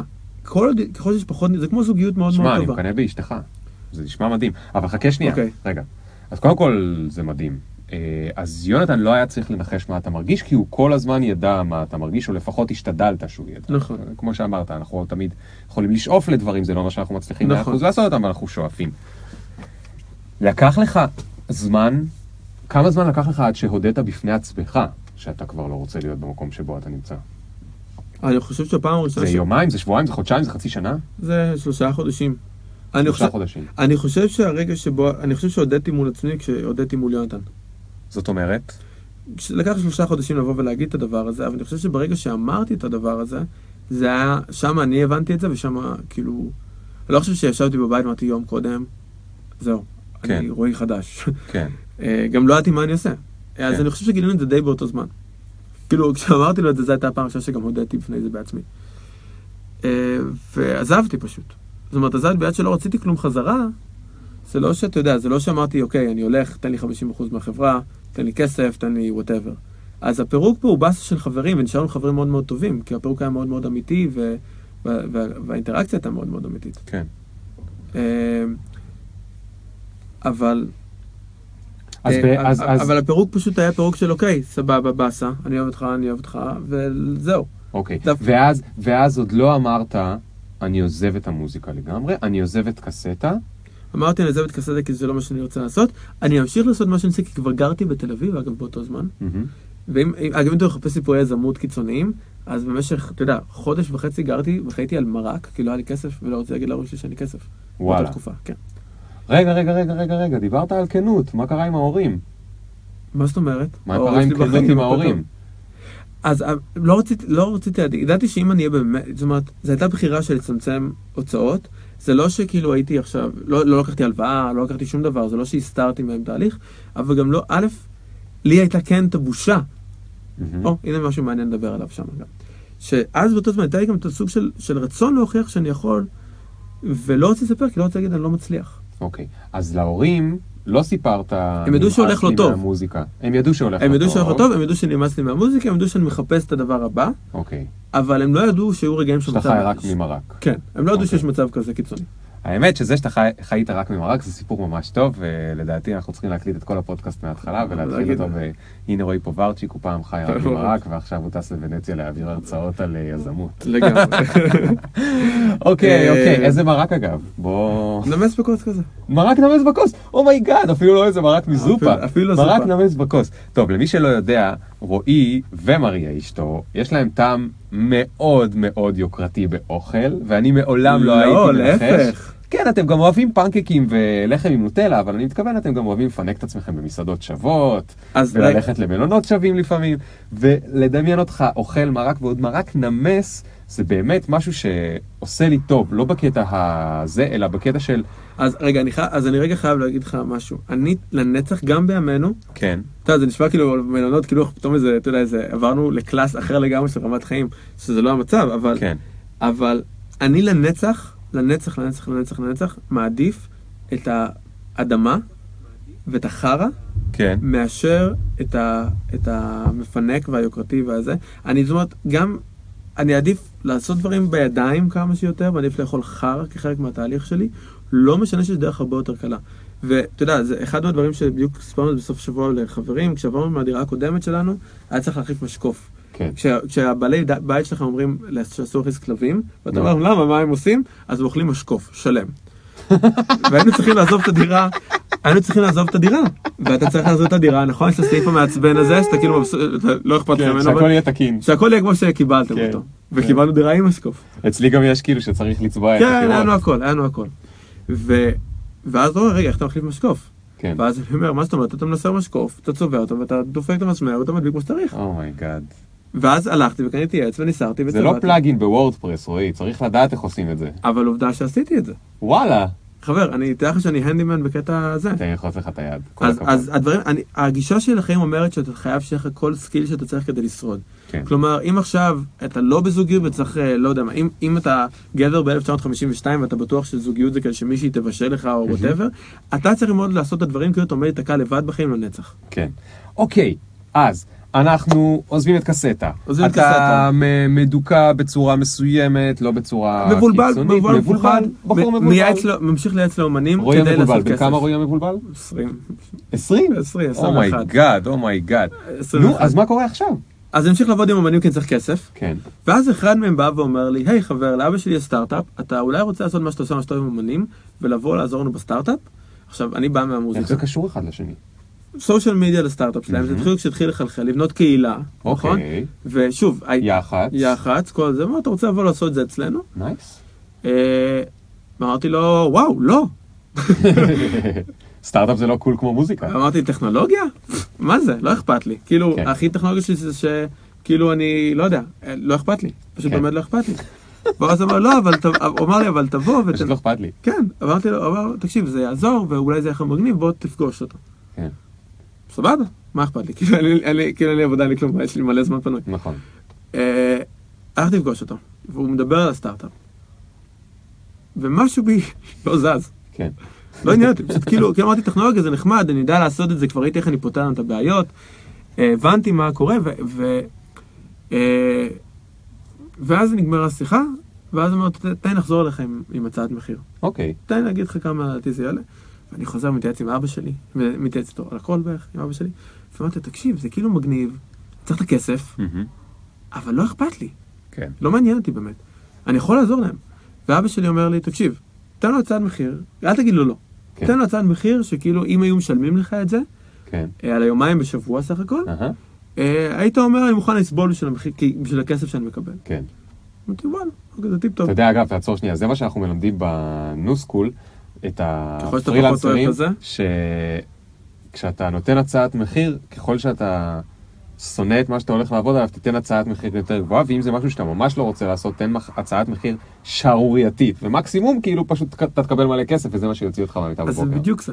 אז זה בדיוק זה. אה, זה מה שקרה. רגע, ואז באתי ואמרתי ואתה באתי במבט כזה של, של הכי בטוח בעצמי, כי אני לא רוצה לקבל את העבודה. כן. אז אתה בא עם מלא ביטחון. אין לך שאתה לא. להפסיד, הכי כיף. אני בא, אני לא אגיד את המספר, בא ואומר את המספר, אתה יודע. מספר שערורייתי לרועי בן ה-20. לרועי שבא מהמוזיקה, שבא כן. 500 שקל זה הלוואה מהבנק לאומנים, כן, כן? כן. בוא נדפיס- בוא נדפיס פוסטרים, אני לא יודע אם יש תקציב. כן. ואני בא ואני אומר את המספר הזה, והוא סבבה. ואז העניין של ו- וכאילו, זה, זה מגעיל לחשוב שככה התחלתי את הסיפור הזה, אבל, אבל כאילו, יש פה כסף. אם זה, הוא אמר, רגע, אולי, אולי בואו בוא נעשה את זה. אז רגע, רועי, האם זו הפעם, אפרופו, אנחנו כל הזמן מכינים ספוילרים לתוכנית, כן. למרות שאנחנו לא נעשה להם ספוילרים, אבל האם זה הרגע הראשון שבו מכרת את נשמתך? לא, מכרתם נשמתים מזמן למלא דברים, אל תהיה אה, עוד מצחיק. לפני? למלא דברים. אוקיי, אוקיי, טוב, אז לא יהיה לנו ספוילר. אה. אוקיי, אז, אבל איך זה, זה הרגיש לך? הייתה לך בכלל התלבטות? אתה זוכר אם הייתה לך התלבטות? לא, או כי- שבגלל שאתה אכל, אכלת כל כך הרבה מרק, אמרת, יאללה, נו, תביאו את לא, הכסף." כי, כי אני אומר דבר כזה, אם אתה, בוא נעשה, אם אתה רוצה לעשות שינוי בחיים, אתה חייב לזוז, זה דבר ראשון. אוקיי. ואז סבבה שאני שונא את זה, כי אני לא מכיר את זה, זה לא שאתה יודע, אני עשר שנים בסטארט-אפים ואני שונא את זה, לא ידעתי מה זה אומר, חשבתי שזה משעמם כי אני בא מבחוץ. כן. זה דבר ראשון. דבר שני, אם אתה, עוד רגע גרי ויינצ'ק, you fucking have to hustle, אם אתה רוצה, אין לך כסף, מהמם. תשטוף כלים, אה, תנקה רצפות, תשיג כן. כסף. כן. אה, ואתה יודע, מישהו בא ומוכן לשלם לך הרבה כסף כדי לשבת במחשב, לעשות מה שאתה יודע לעשות, ואתה צריך כסף. נשמע חלום. כי- מעבר לזה חלום, אם אתה לא לוקח את זה ואתה עוד רוצה להתלונן לך שצריך כסף, so you're fucking idiot. נכון. כאילו, אתה בכיין, אתה מילניאל בכיין, אה, הוא רוצה לעבוד. צריך כסף, do it. והתחלתי לעבוד שם, ומה שקרה זה, מעניין פה זה שני דברים. אחד, נהניתי ממש. אוקיי. הייתי לעשות מלא מחקר על סטארט-אפים, אוקיי. וזה, וטקרן של התחלתי, וכל הדברים האלה, ופתאום התחלתי א' ליהנות מזה. ב', אני באתי עם רקע עלוב בעיצוב, כן. כי בניתי את האתרים של הקודמים שלנו, ולאמנים לה כסף עשיתי הכל, ורקע עלוב בתכנות, מהמם. אבל הבנתי את זה. אוקיי. ויותר גדול מזה, הבנתי איך לבנות קהילה סביב אומן. והבנתי שוב, כמו שהיה לי בסטארט-אפים, 360 מעלות. והסתכלתי על המוצר והתחלתי להתערב בכל אספקט של המוצר כדי לשפר אותו. אוקיי. אמרתי, בוא, אנשים לא יאהבו את זה, בוא נשאר את ה-UX של זה, בוא זה, בוא זה, בלי ידע אמיתי, מהמם. אבל הוא פעל, הוא היה חכם. עכשיו סטארט-אפ נכשל נחרצות, by the way. אבל, אבל, לא, בגלל- אבל, אבל נכשל כי הקונספט המקורי לא היה טוב, אבל גם את זה, אז ידענו, ידענו מה המוצר שאנשים ירצו כבר. כן. הם לא רצו לייצר אותו. כן. אבל, אבל גם שם אמרתי, רגע, בוא נעשה, בוא נעשה, בוא נעשה. ועשיתי בדיוק מה שבאמת אתה קורא לזה, A-B testing, growth hacking וזה, עשיתי את זה פשוט בתור אינסטינקט. כן. ואמרתי, 360 מעלות זה מה שמניע המוצר. עצור שנייה, עצור שנייה. יש פה לקח מדהים. בכוונה אני שאלתי אותך לפני זה את השאלה הפרובוקטיבית, האם זו פעם ראשונה שמכרת את נשמתך ל... לשטן, ואתה ענית לי תשובה שלא כל כך אה, ריצתה אותי, כי לא אמרת אתה רוצה כן לא. שנקליט עוד פעם? זו הייתה הפעם הראשונה, ליאור. יפה. מעולם לא... אה, לא, אבל מה שניסיתי להגיד זה משהו אחר. אם היית יותר מדי נאמן לעקרונות או ערכים או whatever שיש לך, לא היית בכלל מנסה את הדבר הזה. המזל שלך הוא שלא ראית את זה בתור זה שאתה מוכר את נשמתך לשטן, אלא ראית את זה, כמו שאמרת, בתור זה שאתה מנסה לזוז או משהו. ולמה זה כל כך חשוב? כי הרבה פעמים אנחנו מסתכלים על משהו שאנחנו לא מכירים, אוקיי? אתה הסתכלת על סטארט-אפ ואמרת, באתי לשם, הוא דיבר, וזה לא הזיז לי כלום. זה המילים שלך בדיוק. ואנחנו מסתכלים על משהו שאנחנו לא מכירים, ואנחנו אומרים, אני בכלל לא רוצה לנסות את זה. אבל אז בגלל איזשהו כורח, אם אנחנו כן מנסים את זה, אצלך זה היה הכורח שלה להפסיק עם המרק נמס בכוס, פתאום אנחנו מגלים שאנחנו כן אוהבים את זה. זאת אומרת, אתה מצאת, את ה passion אתה מצאת, לאו דווקא במוצר עצמו, אלא במה שאתה יכול לעשות למוצר הזה. ויותר מזה, היום יש לך passion מטורף למוצרים של סטארט-אפים. איזה מזל שהיה לך את המרק נמס בכוס הזה, כאילו, אני חושב שזה זה, זה באמת מסקנה שהיא ממש ממש ממש ממש חשובה. אני, אני לא בטוח שהמרק נמס בכוס זה... אני חושב שיותר הייתי שם דגש על הרצון לזוז. לא, רצון לזוז, אוקיי, לא אה, חשוב, זה לא. שנמאס לך מה, מהמוזיקאים, כן. זה לא לא, חשוב. לא, מה- אבל אני- אם- היה איזשהו לימיטיישן. אם אתה שואל אותי מה הלקח המשמעותי של החוויה הזאת לאנשים, זה שני דברים. אחד, אם לא טוב לכם, גם אם אתם לא יודעים מה לעשות, זוזו. כן, שום דבר לא משתנה כשאתה עושה אותו דבר כל יום, אלא אם נכון. כן אתה זז. נכון. תתפטר מהעבודה גם אם אתה לא יודע מה המשמעות של זה, תשיג עבודה אחרת. כשיש, אני לא רוצה עוד פעם לחבור עוד סיפור, אבל, אבל במאית שנייה, באחד מהימים כש, כשהייתי בתואר שלי, עזבתי כבר את תחנות דיסקים, כשהתחלתי להתגעגע למוזיקה, היה איזה יום אחד שהגשתי באסה עם התואר, הרגשתי שאני לא, שחסר לי איזה משהו, אמ- הברזתי מהלימודים, נסעתי לים בהרצליה, ההורים שלי גם בכפר סבא, גרתי אצל ההורים שלי, ובדרך חזרה החלטתי לעצור לאכול ארוחת צהריים בהר קפה, שהיה ליד טאו רקורדס ברננים, בשם מול הפארק. טאוור רקורד. טאו רקורדס, ככה ישן הסיפור הזה. ונכנסתי ואמרתי, היי, אתם מחפשים עובדים? עבדתי כבר באוניברסיטה הפתוחה, כן. באותו זמן, באתי, באת, באתי ואמרתי, היי, אתם מחפשים עובדים? Out of nowhere, כי רציתי לחזור לעבוד עם מוזיקה, הוא אמר לי, כן. וואו. ועבדתי בשתי עבודות תקופה, הפכתי להיות מנהל של החלטות אותי בסוף, והתפטרתי מהאוניברסיטה הפתוחה, אבל החזקתי שתי עבודות והייתי סטודנט בו זמנית במשך כמעט שנה. אה, אבל גם, פשוט אמרתי, אוקיי, לא נוח לי, בואו נעשה משהו, אני אכנס רנדומלית לחנות הזאת, ואני אגיד, אתם רוצים עובדים? איזה מטורף. איזה כיף לך שהיית כל כך אמיץ, כאילו, או פשוט משוגע, או זה לא לא יודע איך אמיץ, לקרוא כי אין לזה. לך מה להפסיד. אנשים מבלבלים בין, בין פשוט לא להיות פסיבי ו- ומסכן על החיים שלך לבין... הרי אמיץ... רגע, רגע, רגע. בוא נדבר על זה קצת יותר לאט. אוקיי. בין מה אנשים לא מתבלבלים? בין, אנשים מבלבלים בין, בין הפסיביות וה... וה החיים קורים לי, ולהיות עלובים עם עצמם, בתחושה של עצמם, של זה מה שיש לי. זה- שגם לך זה קורה גם לפעמים, לי זה נכון? קורה, אני לא אנשים, לא, לא, לא, לא, לא, לא, האנשים. גם לי זה- גם- קורה גם לי. זה קורה. נכון. אה, לבין? ולהגיד, זה קרה לי, זה קרה לי, אבל אתה ככה, אני ככה. לבין להגיד, אוקיי, אני פשוט יכול לשנות דברים. כן, זה, אין לי פה אומץ, כי מה, מה היה לי להפסיד? כן. אין לי מה להפסיד. אם, כן. כאילו, מה היה קורה? א', היו אומרים לי, לא, בסדר, לא הפסדתי כלום, החיים שלי נשארים אותו דבר. הייתי עובד שם וזה לא פועל, החיים שלי נשארים אותו דבר. כן. עוד לא הייתה לי, נגיד עכשיו, זה הרבה יותר אומץ, כי לא הייתה לי משפחה לפרנס שם. לא היה לי שום דבר שהייתי צריך לעשות שהוא... שאתה יודע, גרתי אצל ההורים שלי באותה תקופה. מה יקרה? לא היה לי כסף לבירה בשישי בערב, כאילו. כן. באסה. אבל אתה יודע, א', מודה שגם אז ידעתי שבמקרה הכי גרוע, אני גר אצל ההורים אז הם יצילו אותי על הבירה ב-20 שקל בשישי. אה, אבל גם פשוט, אלא, זה לא אמיץ, כי אין לך מה להפסיד. אוקיי. אוקיי. לקחת אחריות או לקחת החלטה בחיים שלך, אוקיי? כשאין לך מה להפסיד, זה לא אומץ, זה פשוט לא להיות פסיבי. אוקיי, מאה אחוז. אז בוא נחזור. רועי עובד עכשיו עם אה, לקוח ראשון שהוא סטארט-אפ ראשון. אה, מה הדבר הבא? מה קרה משם בעצם? בואו נדבר משם- על כל אז- השנים הבאות. אוקיי, אז משם, פה נהיה החוצפה וההאסל האמיתי. כי אחרי שעזבתי משם והרווחתי את הכסף שהרווחתי, והייתי מאוד שמח ורציתי להיכנס לעולם הטק, אז שוב, אני גם כשהייתי מוזיקאי כבר כתבתי בלוג אוקיי. למוזיקאים, שהיה מאוד מוצלח, הוא עדיין מביא לידים למרות שהוא לא פעיל כבר שמונה שנים, שבע שנים, שנים, לא יודע. והתחלתי לכתוב בלוג על סושיאל, עכשיו, המזל האמיתי שלו הוא פה, הוא כפול. א', שידעתי לתקשר מאוד טוב, הייתה לי אנגלית מאוד טובה, והתחלתי לכתוב בלוג ראשון. על, על סושיאל מדיה. כן. והדבר השני הוא שמדובר ב-2010-2011.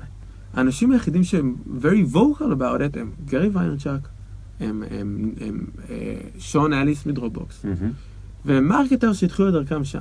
כן. הם לא באמת גדולים. נכון. גרי היה בדיוק על הקפיצה שלו, שון אליס גם, אתה יודע.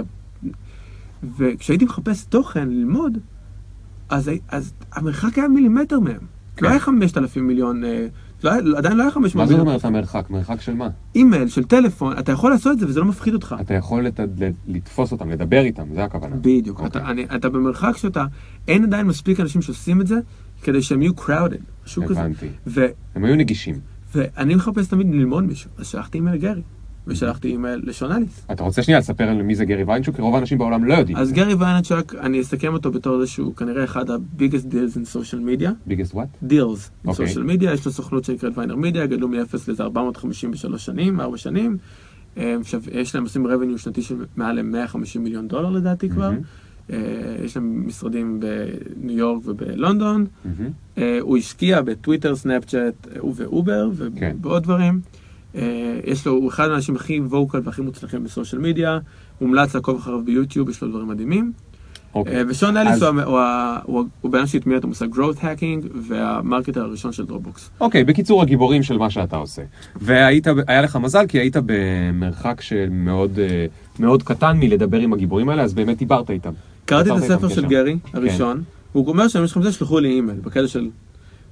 לכו על זה. דוד, you asked for it, שלחתי לו אימייל. כן. והוא נתן לי טיפים פתאום, כן. ודיבר, ודיברנו קצת. אותו דבר עם שון אליס בזמנו. כן. ואותו דבר עם כל marketer חדש שראיתי, או בלוג שעניין אותי, פשוט עשיתי את זה. Buffer התחילו באותה תקופה. עכשיו, Buffer הייתי בין המאה המשתמשים הראשונים של Buffer. רגע, רגע, רגע, רגע, בוא לא ניכנס ל Buffer והאלה, כי אז אנחנו אוקיי. מתחילים עוד פעם לחזור להרצאות הרגילות של רועי פוברצ'יק, אוקיי. וזה לא מה שאני רוצה. אוקיי. קודם כל דיברת פה על משהו מאוד מאוד חשוב, אתה פשוט פנית לאנשים שעושים את מה שאתה עושה, רק בדרגה אחת או שתיים או עשר זה יותר הסיפור גבוה. של גיא חג'אג' all over again. אוקיי, יפה. אז מה שקרה לך עם גיא חג'אג', עכשיו קרה לך עם אנשים יותר גדולים ויותר מצליחים, וזה no offense גיא חג'אג', הם פשוט באמריקה, אז הקהל שם הרבה יותר גדול. אנחנו בטוחים שאם היית אמריקאי היית מצליח בטירוף. אה, ופשוט פנית אליהם, ב- וגם בגלל, כמו שאתה אומר, כי החיים לימדו אותך כבר, שמישהו אחד כזה יכול לתת לך משהו שיזיז אותך, משהו שיוציא אותך. ורגע, איך מצאת פרנסה? כי הסטארט-אפ ההוא נסגר. אז פה מתחילה החוצפה. אוקיי. עכשיו פשוט תחשוב שנה 2011, אף כן. אחד כמעט לא עושה סושיאל מדיה. אף אחד לא עושה סושיאל מדיה. אבל אוקיי. כולם פתאום מתחילים להבין שאולי הם רוצים ואולי הם צריכים. אה, ופשוט התחלתי לדבר על זה עם- מותגים, התחלתי לדבר על זה עם אנשים שלי, אני עושה סושיאל מדיה, אני מדהים בסושיאל מדיה. אה, מה זה אמר ב-2015 לעשות לכם לא, סושיאל מדיה? פייסבוק? ב-2011-2012. מה זה אומר? פייסבוק? לעשות. לכם פייסבוק? לעשות לכם טוויטר? פייסבוק, קצת טוויטר כבר. אוקיי. אני אלמד אתכם, יותר גרוע מזה, אני אלמד אתכם איך לעשות את זה. אוקיי. שזה, אגב, כאילו לא ידעתי, לא היה לי מספיק ניסיון אמיתי כדי להגיד, אני יודע להרים מותג אחרי מותג אחרי מותג. כן. אה, אז עשיתי את זה, והתחלתי פשוט לבוא לאנשים ולהגיד, היי, אני אעזור לכם בזה, אני אעזור לכם בזה. פשוט התחילו לפנות אליי, אני, כאילו בצורה מאוד מצחיקה, זה החלק שהכי בלנג אצלי בראש. כי עשיתי את זה והתחילו לפנות אליי, לאט לאט סטארט-אפים, בחברות לא ענקיות, לא דברים כן. מאוד מרשימים. כן. אה, היה צורך. היה צורך, אבל הכי חשוב שבאותו זמן, שני, אם, אם אני מחפש את המקפצות האמיתיות שהיו לי. אחד, אחד, היה שהלכתי, אני לא זוכר אפילו איך זה הגיע, הלכתי לכנס, אה, לכנס של social media בעת חירום כזה, אה, אוקיי. crisis management ב social media, של המכללה ה new media. אוקיי. והלכתי וראיתי אותם מדברים שם, אמרתי, יא, אני יכול לדבר בזה, אוקיי. ואני צריך כסף. טינג, כן. שילוב הכי מושלם. ואז אחרי זה פניתי אליה, אמרתי, היי, אז עשיתי את זה ואת זה ואת זה. סיפרתי עבודה עם האמנים, סיפרתי עם זה. אני רוצה להרצות אצלכם. אוקיי. סבבה, סבבה. קיבלתי איזה 32% מאחד הקורסים שלהם. אגב, כל מי שתוהה איך אני מרצה כל כך בכיף וכאילו לא אכפת לי מהבמה וכלום, כי במשך שנה וחצי כן. הייתי מעביר איזה 24 שעות או, או 30 שעות מהחודש שלי בלהרצות. אוקיי. ארבע שעות כל פעם ברצף. אוקיי. אז מחרדה תהומית עברתי ל... "אה, אני הולך לשירותים ולצאת מה... לא, לא, לא באמת הייתי עושה את זה. אבל ברמה ששום דבר לא מביך אותי על הבמה. אוקיי. אוקיי. אה, טוב, פרקטיס. עשיתי את זה, משם ראתה אותי מישהי מכרמל, מכרמל ונצ'רס, הילה שטרית המדהימה. מהמם. והביאה, וחיברה אותי למישהו שם למיטאפ שיש להם על UX. כן. כי דיברתי על בלוגים וקונברג'נים, כן. והוא הביא אותי לדבר על איך לבנות עמודי נחיתה שבונים אמון. עמודי נחיתה שבונים אמון. שבונים אמון. אוקיי. עשיתי את ההרצאה שם, איזה עשר דקות פיץ' כזה, מהמם. עם עוד איזה ארבע מרצים. שראיתי שם, אה, ראיתי שם, אני, לא זוכר, אני מודה שאני לא זוכר את השם המלא, אבי, ברח לי השם, אני עדיין בקשר לא איתו. חשוב. והוא אמר לי, בוא'נה, איזה הרצאה מגניבה, יש לך, אתה יכול להפוך את זה לשעה? אמרתי לו, כן, למה, יש לך meetup? הוא אמר כן, אני אעשה meetup בגוגל. אוקיי. אמרתי לו, בטח. אוקיי. גם אם לא היה לי מושג, הייתי אומר לו בטח. כן. אה, עברתי את ההרצאה הזאת בגוגל. פנה אליי מישהו שהתיישבה בקהל, שהיה די מעניין, די גדול. כן. כאילו, תוך כדי, אגב, אני באמת גדל ברמת ה following שלי. מה שמוזר פה שאני לא יודע להסביר זה מה שאני זה following? אני כל הזמן הייתי מאוד loud ב social media, הייתי מאוד פעיל, מה זה loud? לא- הייתי מאוד... אחי, אתה לא מדבר בעברית יותר. אה, הייתי, הפצתי דברים, הייתי מאוד אקטיבי במדיה חברתית. מה זה אקטיבי? כתבת הרבה מאמרים? הוצאתי מידע? הוצאתי מידע. כתבת הרבה בטוויטר? אה, כן, איזה בדיוק. סוג של מידע? מה עשית? לימדת אנשים? מלהיות הבן אדם הכי מביך בעולם, כן. ועד ל... אם מישהו עושה ככה וככה, תעשו ככה וככה. אם אתם רוצים להשיג קהל וזה, גם אוקיי. הבלוג שלי של לימדת. כן, גם הבלוג שלי של מוזיקאים היה מפוקס על טקטיקות. אוקיי. מדיה חברתית, של זמנו. אוקיי. בדיוק לפני כמה ימים מצאתי איזה- איזה אה, פוסט שכתבתי על איך על איך למתג את עצמך במייספייס. גדול. מטורף. גדול, מייספייס. אה, קיצר, וכבר, זאת אומרת, ואז להרצאה של גוגל כבר הגיעו די הרבה אנשים על השם שלי. אוקיי. למרות שהם לא ידעו למה, אוקיי. והם באו, מי שישבה מאחורה ואמר, וואו, זה מדהים, יש לנו meetup של מייקרוסופט, אתה רוצה לבוא לעשות בדיוק את ההרצאה הזאת שם? ברור. ברור. איפה מייקרוסופט? כן, תקחי אותי מחר. ועשיתי שתי הרצאות, התגובות היו מדהימות, זה קינוורט לי, ל- ל- ל- זה הביא לי לקוחות כן. שפתאום רצו לעבוד איתי, ואמרתי, יואו, אם הייתי יכול לעשות scalability לדבר הזה, אז אני ממש, זה מה שהייתי רוצה לעשות. ואז אמרתי, רגע, meetup.com, ישראלי, marketing oriented meetups, 80 מיטאפים, Excel sheet כזה של זה, אימייל לכל אחד, יש לי הרצאה שאני מעביר א' ב' ג', זה מה שאני יודע לעשות, וואו. העברתי אותם בגוגל ומייקרוסופט. ואז מההרצאות הגיעו לך גם לקוחות. רגע, אז ב-80 הרצאות זה התרגם ל-20 ומשהו הרצאות, מהמם. שבתוכם אה, כבר התחילו לבוא משם לקוחות. הבנתי. יותר מזה, זה הופך אותך, וזה, וזה חלק מהאסטרטגיה הראשונה שהייתה לי, שלא, שלא ממש נכנסתי אליה. כשאתה, אה, דיברנו על זה פעם, אה, אני ידעתי שאני לא יכול להגיע לסטארט-אפים הכי גדולים מההתחלה, כי אני צעיר מאוד, מהמם. וידעתי שאני צריך או להשתלב עם הסטארט-אפים שהם גדלים איתי, או להיות זה שמחנך את הסטארט-אפים למטה. כן. כלומר, אם אני הולך לוויקס, הם ענקיים מעליי באותה תקופה. עכשיו, כאילו, אני, יש לי כל מיני, אתה יודע, אינטראקציה איתם. אמ, יש את הסטארט-אפים שהם ביניים, שהם כבר מצליחים, כמו אנידו, שהם, שהם ברנדים מאוד מאוד טובים. ויש לך כל החבר'ה שהם, שהם אה, ממש מתחילים, הם בונים המון נחיתה ראש- ראשון, תוהים מה זה MVP. כן. אמ, ואמרתי, הם יכולים לגדול עליי כמו, שאח, כמו שאחרים גדלים נגיד על הפאונדר של וויקס, או כמו כן. שאחרים גדלים על, על אה, איילת נופי מוטי באר מבלונד. כן. שהם גדלים והם כבר גדולים אצלם, אז הם רוצים. אוקיי. ואמרתי, המיטאפים האלה, זאת הדרך שלי, לוודא שאולי בשלוש שנים הקרובות אני נאבק על הפרנסה שלי. כן. כמו אגב שהתחלתי להשתמש במושג growth hacking, שאף אחד לא יודע מה זה אומר, מהמם. ולדבר על בלוגים שאף אחד לא אכפת. אמרתי, אבל שלוש שנים יהיה לי קשה, בשנה הרביעית אני עובד fucking to kill it. אוקיי, עכשיו חכה שנייה עם כל ה... זרקת פה וויקס וזה וזה, ועוד פעם אנחנו נסחפנו לשיחות רועי פוברצ'יק הרגילות, ואני רוצה רגע לחזור איתך לדברים מדהימים שאתה אמרת קודם. אוקיי. קודם כל, סיפרת על, אתה יודע, אני גם מכיר אותך מהפייסבוק, ואתה מאוד פתוח בפייסבוק שלך, ואז אנשים הולכים לפייסבוק ורואים, רועי פוברצ'יק מרצה למייקרוסופט, רועי פוברצ'יק מרצה לגוגל, רועי פוברצ'יק מרצה שם, מרצה, מרצה שם, מרצה שם. קודם כל אתה הסברת, ובגלל זה אני גם מאוד אוהב את הדימוי של הסולם, ואני מדבר תמיד על הסולמות, איך בעצם, זה לא שאתה קפצת לאיזשהו ראש של הר. היו הרבה מאוד שלבים קטנים בדרך, וכל פעם עלית שלב ועלית שלב ועלית שלב, וכמו שאמרת, שלחת אימייל ל-80 מיטאפים, ומתוכם רק 20 אה, רצו שתבוא להרצות אצלם. עוד משהו שרציתי לדבר איתך עליו זה, אני גם מרצה. ואני יודע משהו אחד מאוד מאוד מאוד מאוד בסיסי. זה שהזמינו אותך להרצות, לא אומר שיזמינו אותך אי פעם להרצות שוב. נכון. מה עשית כדי שיזמינו אותך להרצות שוב? זאת אומרת, כמה גדולה או קטנה הייתה ההכנה שלך להרצאות האלה שעשית? שתי רמות.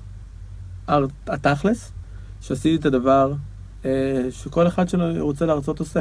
אוקיי, חושב שהוא ירצה כמו סטיב ג'ובס. אוקיי, כבר ראיתי מיליון סרטונים של השקות של אפל, וקראתי ספר, אגב, שהוא ספר מדהים למי שבונה הרצאות, כן, שנקרא The Secret, אה, The Secret of Presenting like Steve Jobs או משהו כזה. אוקיי, עכשיו, כמה שזה title שהוא link bait נוראי, זה ספר שהוא מדהים, כי הוא מלמד לך איך לבנות הרצאה מאוד מאוד טוב, איך להתייחס למספרים, איך להתייחס לסיפור, כן. אה, שזה שינה לי את החיים כמרצה. זאת אומרת, אתה גם כשהזמינו אותך להרצות, אתה הסתכלת על זה מטורף. כמו, לא יודע, כמו משהו שאתה... כמו עבודה, כמו עבודה.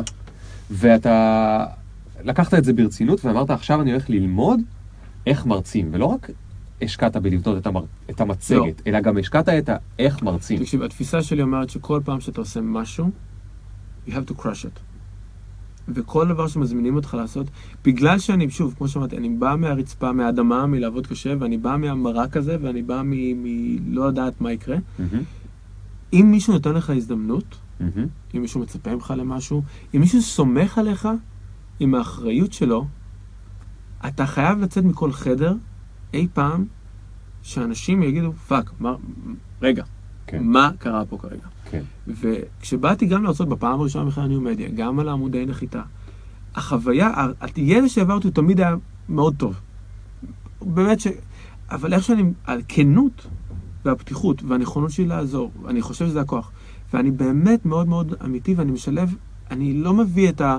מה שאני יודע על עמודי נחיתה, אני מביא את מה שאני יודע על החיים, או מה שאני יודע לעשות, או את הגישה שלי, ואני מביא את זה פנימה.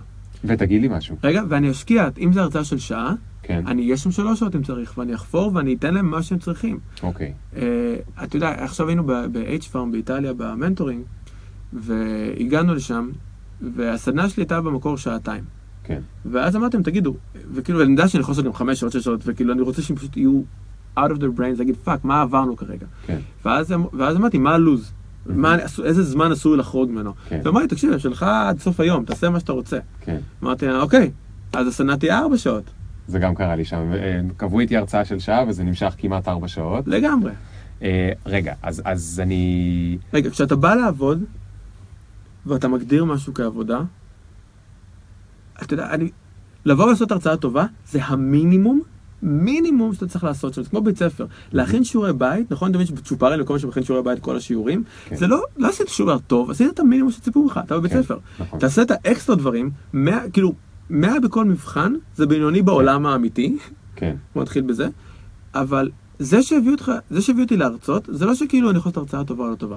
המינימום שהתחייבתי אליו זה הרצאה שתהיה מעניינת. כן. אני, להתחיל בהרצאה טובה זה המינימום, אני חייב להביא להרצאה שכולם ידברו עליה אחרי זה. כן. זה המטרה אז. אז יש פה שני דברים שאמרת. הדבר הראשון שאמרת, שהוא דווקא החלק היותר צנוע, אני חושב שהוא מאוד מאוד חשוב, זה ההוקרת תודה. אמרת, הם בכלל נתנו לי הזדמנות, ואני מאוד מכבד את זה. וזה לא מגיע ממקום של כאילו, אה, איזה אדיר אני, וואי, איזה מגניב אני שנתנו לי להרצות שם וזה. כנראה שגם את זה יש לך, כי אתה דור הוואי. אבל חוץ מזה גם יש לך, אני מוקיר תודה שנתנו לי הזדמנות, ואני לא הולך לפשל, אני הולך לתת להם את מה שהם ביקשו. זה דבר אחד.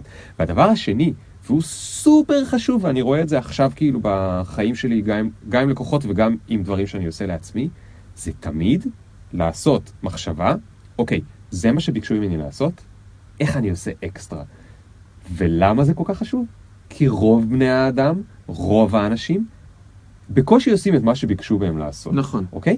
ואז ברגע שמגיע להם משהו על זה. ואז ברגע שאתה עושה טיפה אקסטרה, אתה פשוט גרמת לזה שיזכרו אותך הרבה יותר, לך זה הרבה יותר כיף, לצד השני זה הרבה יותר כיף, וזה לא קשור להאם אתה גאון, האם אתה חכם, לא. האם אתה מוכשר, לא, זה רק קשור למחשבה הזאת, אני הולך לעשות עוד קצת אקסטרה, אני הולך לשבת עכשיו עוד שעה, שעתיים בבית או במשרד כדי לעשות עוד משהו קטן, שהוא זה שיגרום להם אה, נכון. אה, אה, להיות זכיר. ואם כולם עושים עמוד נחיתה עם שלושה כפתורים ו- ולמטה אה, עוד איזה משהו, אני אעשה את אותו דבר, ואני אעשה שגם האימייל יהיה מהמם, ואני אעשה שעוד משהו יהיה מהמם, ואני אשאר, אם כולם נשארים לעשר דקות אה, Q&A, אז אני אשאר לחצי שעה, והאקסטרה הזאת זה מה שגורם לאנשים, ו- נכון. ו- ולמה זה חשוב לי להדגיש? כי הרבה פעמים אנשים מפחדים, אה, או, או, או הם יותר נכון, הם מבטלים מראש את הסיכוי שלהם להצליח, או להתקדם, או, או לעשות רושם על אחרים, כי הם אומרים, אני לא גאון, אין לי איי-קיו גבוה, אז לא, אני לא יודע לצייר, אני לא יודע לנגן, אני לא יודע לעשות את הדברים האלה, זה לא חוכמה, אני לא יודע, אני לא יודע, אני לא יודע.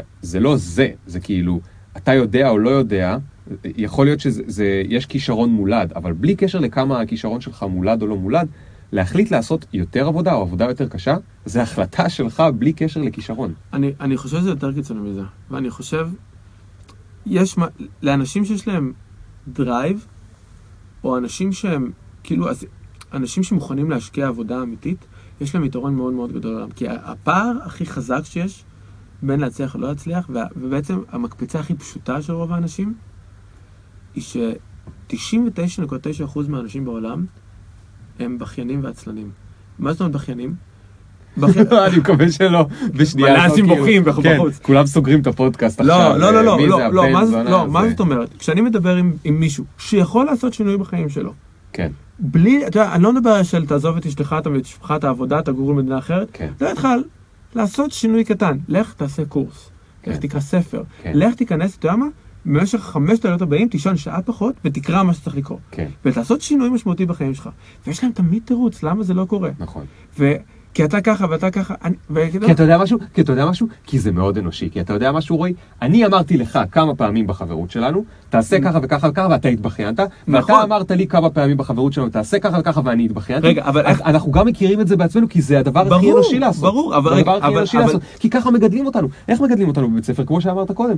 תעשה את השיעורים, אתה מקבל 100. זהו. לא אומרים לך, תחשוב על משהו יותר יצירתי, או אם לא בא לך לעשות את השיעורים, במקום זה תעשה משהו שאתה כן טוב בזה. במקום לעשות את השיעורים, תבוא ותרקוד את השיעורים. לא נכון. אומרים לך את זה. אומרים לך, תעשה את זה וזהו, זה מה שצריך. לא, זה ככה אנחנו לא, חונכים. זה, אפילו יותר גרוע מזה. א', בשיחות שלנו, אחד אומר שאני תמיד בכיין, והשני אומר, נכון. השיחות, מה שמיוחד בחברות בשיחות שלנו, בעיניי, זה שאתה אומר לי, רועי, אתה אומר את כל זה, ויום השישי האחרון הייתה לנו שיחה כזאת, אתה אתה כאילו מתבכיין. תבין למה אתה עושה א', ב', ג', ד', כן. תשנה את זה. כן. ואז אני הולך ואני משנה את זה. או כן. לא, ומתבכיין על זה עוד קצת, עד שאני נתקע במחסום ואני משנה את זה. אז אגב, לכל מי שמקשיב, תמצאו חבר טוב, ת- תבקשו שיבקש, שידחוף אתכם קצת יותר קדימה, תתבכיינו, ואז שיגיד לכם למה אתם אני אני אגיד מתבכיינים. משהו יותר קשה. תרימו טלפון לעשרת האנשים שאתם הכי קרובים אליהם, מדברים איתם הכי הרבה, ותגידו להם, אני צריך שתפגע בי ברגשות פעם בשיחה, וכל פעם שאני מתבכיין, כל פעם שאתה מרגיש שאני לא אמיתי איתך, שאני אמציא תירוץ, שאני חי באיזה שקר כלשהו, תגיד לי. ובאותו רגע, כשאומרים לך, תקשיב, חבר, אתה מזיין את השכל, אל תריב. אגב, גם אם אתה רב, אני נגיד גם, ליאור אומר לי משהו, ואז אני מתווכח איתו שעה, כי אני רוצה א', להתיש את עצמי מהתירוצים של עצמי ולפרק את עצמי, עד שאני אומר, טוב, תכלס, אני פשוט fucking lazy ass fucker. כזה. אה, ואני, רוצ... ואני צריך גם לעבור תהליך עם עצמי, והריב הזה זה התהליך שאני עובר עם עצמי. כן. תבקשו מחמש, עשרת האנשים הכי קרובים אליכם להגיד לכם את האמת הכי מבאסת בעולם בפנים, כי אתם יכולים לשנות את זה. אבל יותר גרוע בבית ספר, זה שכשאתה נכשל בבית ספר, קורה לך משהו רע. נכשלת שלוש פעמים בחמש יחידות מתמטיקה, רד לארבע. נכשלת בארבע, רד לשלוש. נכשלת כן. בשלוש, עוף מהבית ספר. כן. ואז הכיש- הכישלון עבורנו זה פחד. כן. זה פחד תהומי, כי יקרה לי משהו, גם הייתי לא בסדר, נכון. כי נכשלתי. אני ארד לאנשהו. אני ארד לאן שהוא יעיף אותי. אם נכשלתי, זה אומר שאני לא בסדר. נכון. במקום להגיד, במקום להגיד, היי חבר, קיבלת עכשיו 60 מבחן מתמטיקה. איך למדת הפעם הקודמת? בוא נחשוב על דרך אחרת ללמוד. כן. או מה, מה, בוא נמצא מוטיבציה יותר טובה עבורך ללמוד. אגב, בוא אולי ביחד נחליט שמתמטיקה לא מעניינת אותך וכדורסל, כן? כל שעה שאתה אמור ללמוד מתמטיקה, לך להתאמן בכדורסל. כן. אגב, זה גם מאוד נכון באנלוגיית הסולמות הזאת שלי. כל הפעמים האלה שאתה נכשל, זה לא שמורידים אותך אה, שלבים בסולם, כי אתה היית. בסולם. אתה פשוט לא הצלחת לעלות לשלב הבא. אבל נכון. זה לא שמורידים אותך, כמו בבית ספר, ל... ל... אה, לא הצלחת?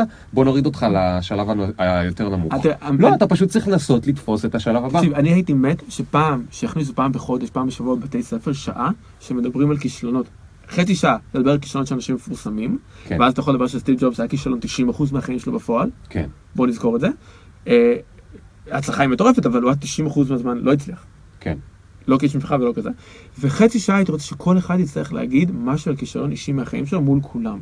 והסיבה שהייתי, וכולם, אסור לאף אחד לצחוק עליו, או כולם צריכים מתישהו לחשוף את הכישלון שלהם, ואז בגלל שכולם צריכים לחשוף, אז אף אחד לא יצחק על אף אחד, וכולם ישימו את, את המצב שבו הם, הם יכולים לדבר שהם לא הצליחו במשהו, ורואים שאף אחד לא צוחק, לא כל סוף העולם. יותר מזה, כשאתה אומר שנכשלת במשהו, מה שלרוב קורה זה שמישהו ששומע אותך אומר, אה, עשיתי גם פעם, בוא אני אעזור לך. כן. ואם כולנו פשוט נוכל הרבה יותר פעמים להגיד, היי, נכשלתי בזה, מהמם. ולא, לא, לא יודע, פשוט פאקינג זה החיים, זה בסדר. אוקיי, אוקיי. עכשיו אני רוצה עוד... אה, אנחנו מתקרבים לסיום, ויש לי עוד כמה שאלות קטנות שאני אני אנסה אה, לענות רוצה תשובות לשאול. עליך. ולשאול אותך, תגיד, מה היתרון הלא פרי שיש לך? אני אגיד לך למה אני שואל, כי עוד פעם, יש אנשים שנולדים עם כישרונות מסוימים וזה קצת עוזר להם. אני נגיד, תמיד רציתי להיות שחקן כדורסל, מה לעשות? אני נמוך. אני לא יכול להיות שחקן כדורסל, אוקיי? אני לא יכול לבוא לשחקן, למישהו שהוא שני מטר ולהגיד לו למה נהיית שחקן כדורסל והוא יגיד לי, אני התאמנתי נורא נורא קשה, וזה הכל. אז אני אגיד לו, זובי. לא, אתה גם שני מטר, אוקיי? כן. מה היתרון היחסי שאתה ש- בפוקס נולדת איתו? כי אני חושב שכל אחד יש לו איזה אחד, שניים, שלושה, ארבעה. משהו אתה- אחד שנולדת איתו ככה התשובה- אתה בפוקס. רוצה את התשובה שאף פעם לא עניתי לזה? כן. אני מאהב מדהים. סתם. לא. אה, לא. זה- לא יתרון יחסי. אוקיי. בכל מקרה, זה אולי יתרון שהוא רק יחסי. יחסי. אוקיי. אה, חיפשת פרומו. כן. אה, היתרון שלי הוא שיש לי, זה כאילו הכי תעופה עצמית. אין ברירה, שאלתי אותך. יש לי ב-DNA, וזה בא מאימא שלי, מהמם. אינטליגנציה רגשית מאוד מאוד גבוהה, מהמם. שזה אומר שאני יודע להבין סיטואציות, אני מאוד חד בלהבין סיטואציות מהר ולשקף את מה שקורה וליצור אמפתיה מאוד מהר, כן. זה אחד. שתיים, אני יודע להתבטא בכתב בצורה מדהימה. נכון, יש לך עוד כישרון אגב. כל שאלה שאני שואל אותך, אתה יודע לענות עליה את אחד ואת שתיים. אתה עוד לא הצלחת לענות לי רק תשובה אחת על משהו, וזה מדהים, כי אתה כל פעם נתת לי כפול ערך ממה שביקשתי, כאילו, ממש, אמרתי לך, ממה שאתה אתה מצפה לי שרצית תשובה קודם. אחת, אמרתי, אני חייב לנצח את השאלה הזאת, אני חייב להביא עוד אני אחת. אתן לו זה. רועי, אה. תן לי ארבע סיבות ש... לא, אוקיי. אה, אה, אוקיי, אז- רגע, רגע, אבל כן. חשוב להגיד, כשאתה אומר כן. יתרון יחסי, אני כותב מגיל, כאילו כותב עם כתיבה יצירתית, לא. כאילו פשוט יודע לכתוב, מגיל 11 או 12. כן. הייתי, ב, אה, הייתי כותב שירה פעם, הייתי כותב סיפורת, כמעט הוצאתי ספר בגיל- בגיל 19, מהמם. חוזה והכל, ספר מהמם. שהוא לא אה, עבודה, אלא ספר... אה, נובלה. נובלה. אתה כבר לא זוכר איך קוראים לזה. כן, ספר- ספרים שהם לא בלוג. משהו שהוא לא ביוגרפיה. כן. אבל אני גם כותב, אני אומרת, אני מתאמן על הכישרון של הכתיבה ולבטא את עצמי. יש לי את ה-DNA מאמא שלי, אבל אני מתאמן המון המון זמן להגיע לזה. נכון. להגיע, זאת אומרת, זה לא שאני פתאום, אה, אולי אכתוב טוב. עבדתי על זה מאוד מאוד קשה, בלי לדעת שלשם אני חותר, כן. אבל עבדתי על זה מאוד מאוד קשה. אוקיי. כמה שאלות אחרונות. אה, רק בשביל שנוציא אותך גם אה, בן אדם. אה, היה מישהו, אתה לא לא צריך-. אתה לא צריך- אתה לא צריך לציין שמות, אבל היה מישהו עסקית שמאוד פגעת בו, ואתה מאוד מצטער על זה? יצאת בן זונה, מתישהו? הברזת למישהו בשנייה האחרונה, דפקת מישהו, אה, אה, הבטחת הרבה הבטחות אתם והברזת לא- אתם. לא רואים את זה, אבל אני מחייך כרגע. אה, בחיוך של מבוכה, by the way. אוקיי. אה, א', כי כן. א', כי כן. אז אל תציין את הזה, אבל אתה יכול לציין את הסיפור בקצרה? אה, כן. לכולנו יש... לא, יש לי כמה, אגב, אגב. תן אחד חזק. כאילו, יש לי כמה, וחשוב לי שאני יודע שזה בין פודקאסט שאני מתמקד על איך הצלחתי. או איך אני get shit done, כאילו בצורה חיובית. יש לי מלא ג'יף, מלא ג'יף. הייתי צריך להגיד את זה בהתחלה. אה, היה לי לקוח שבש, שמאוד מאוד אהבתי אותו, כאילו את, את העבודה איתו, ו- אה, ימים קצת יותר hands off, אה, וגם התקציב שלנו נגמר, התחיל להיגמר כי הסטארט-אפ עצמו לא גייס כסף, לא צריך לגייס כסף, מהמם.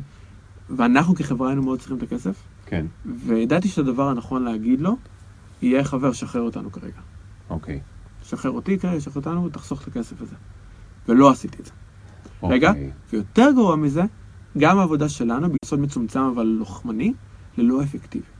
ולא באתי אליו ואמרתי לו, תקשיב חבר, זה כבר לא שם, אל, אל, אל תזרוק את הכסף הזה. ואכלת על זה סרטים? הרגשתי רע עם עצמי, ובאיזשהו שלב הוא אמר לי את זה. Hmm, ובאיזשהו שלב הוא בא ואמר לי את זה, ו...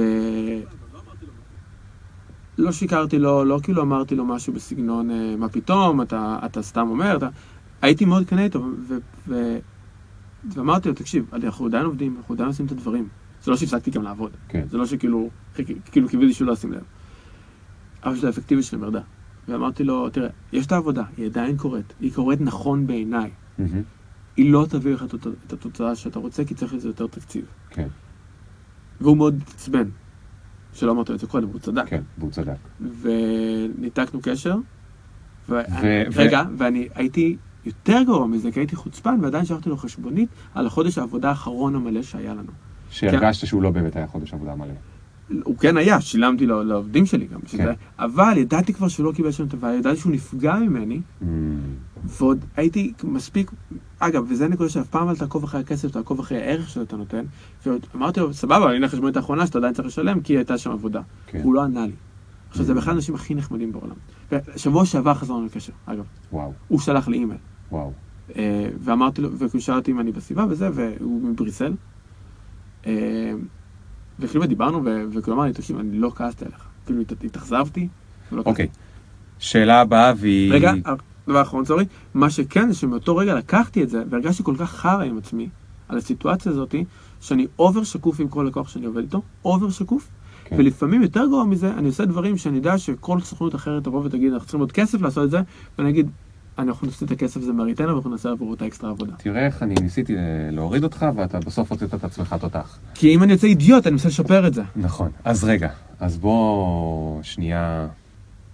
בני אדם, ובייחוד בני אדם שהם חשופים החוצה, בפייסבוק, בטוויטר, עומדים על במות, כותבים בלוגים, מאוד מאוד נוטים להרגיש לפעמים שהם fraud, שהם עבדו על כולם, שהם לא יודעים למה זה מגיע להם. זה קורה לך? זה קרה לך? ברור. כל- כל- א', כל יום זה קורה לי. זה קורה לי גם כשאני בשיא של הצריכה של משהו. זאת אומרת, אתה נמצא עכשיו על הבמה הכי שווה, מצלמים אותך, הפלאשים לפייסבוק, הפייסבוק live, וידאו, טוויטר הייתי לפני. חצי שנה בגרמניה, הביאו אותי להרצות בתור keynote ל-European Venture Summit, אני מצלצל לאשתי, למריה מה- מהמלון, הטיסו אותי, שילמו לי על ההרצאה, הביאו אותי להיות המרצה הכי בכיר שם, ואני מצלצל למריה יום קודם, ואומר, מה אני עושה פה בכלל? כאילו, מי אני? כאילו, למה שמישהו יטיס אותי? אני כאילו fucking אידיוט, כאילו, למה שמישהו... והיא אומרת לי, תקשיב, כאילו, אולי, אבל כאילו מישהו שילם עליך על כל זה, זה כנראה שהם לא חושבים שאתה כזה אידיוט. כן.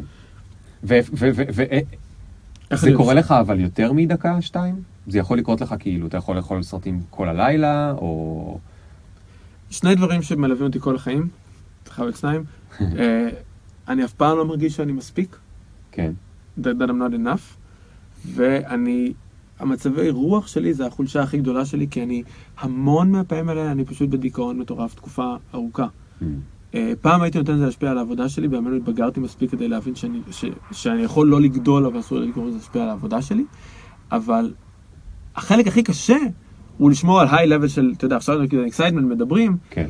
אה, אבל אני זוכר שהייתה תקופה לפני לא הרבה מאוד זמן, ודיברת על זה בסוף בסנאפצ'אט, שהייתי מאוד חזק לפני כמה חודשים בסנאפצ'אט והייתי חופר שם, עכשיו חזרתי קצת, והיה איזו תקופה שהייתי ב down.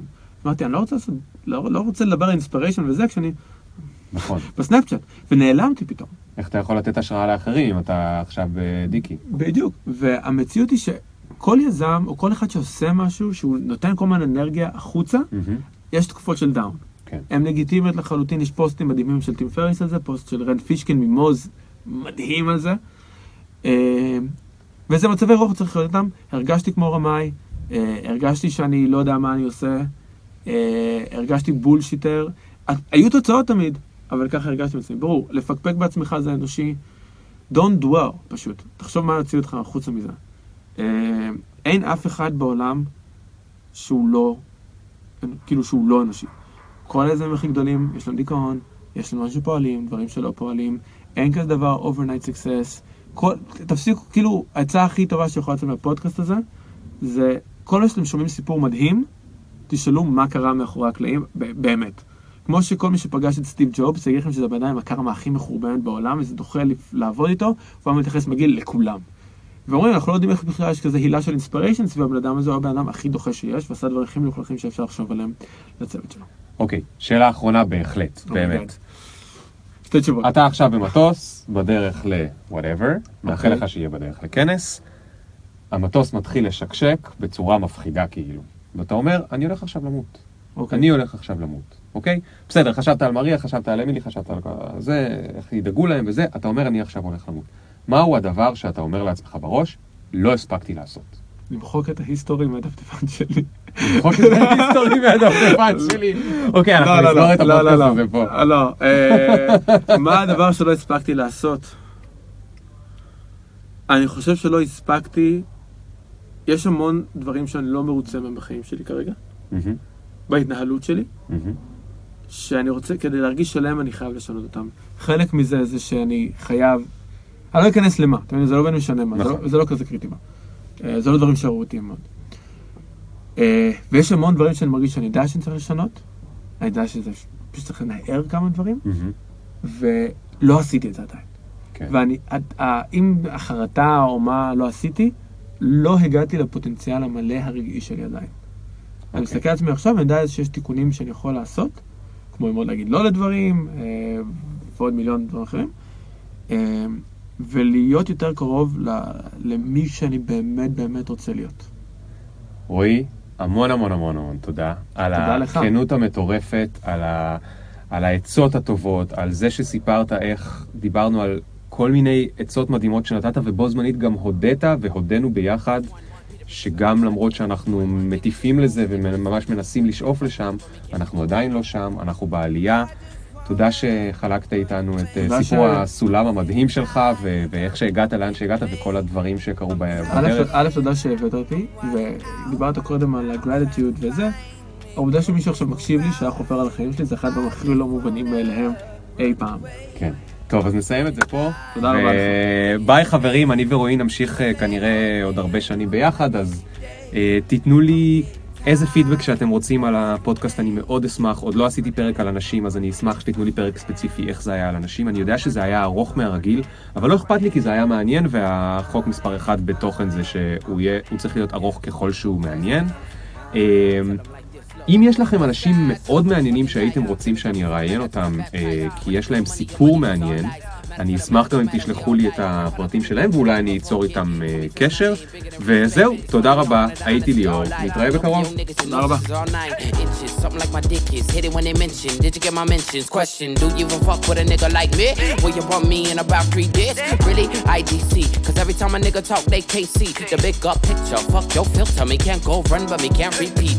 Something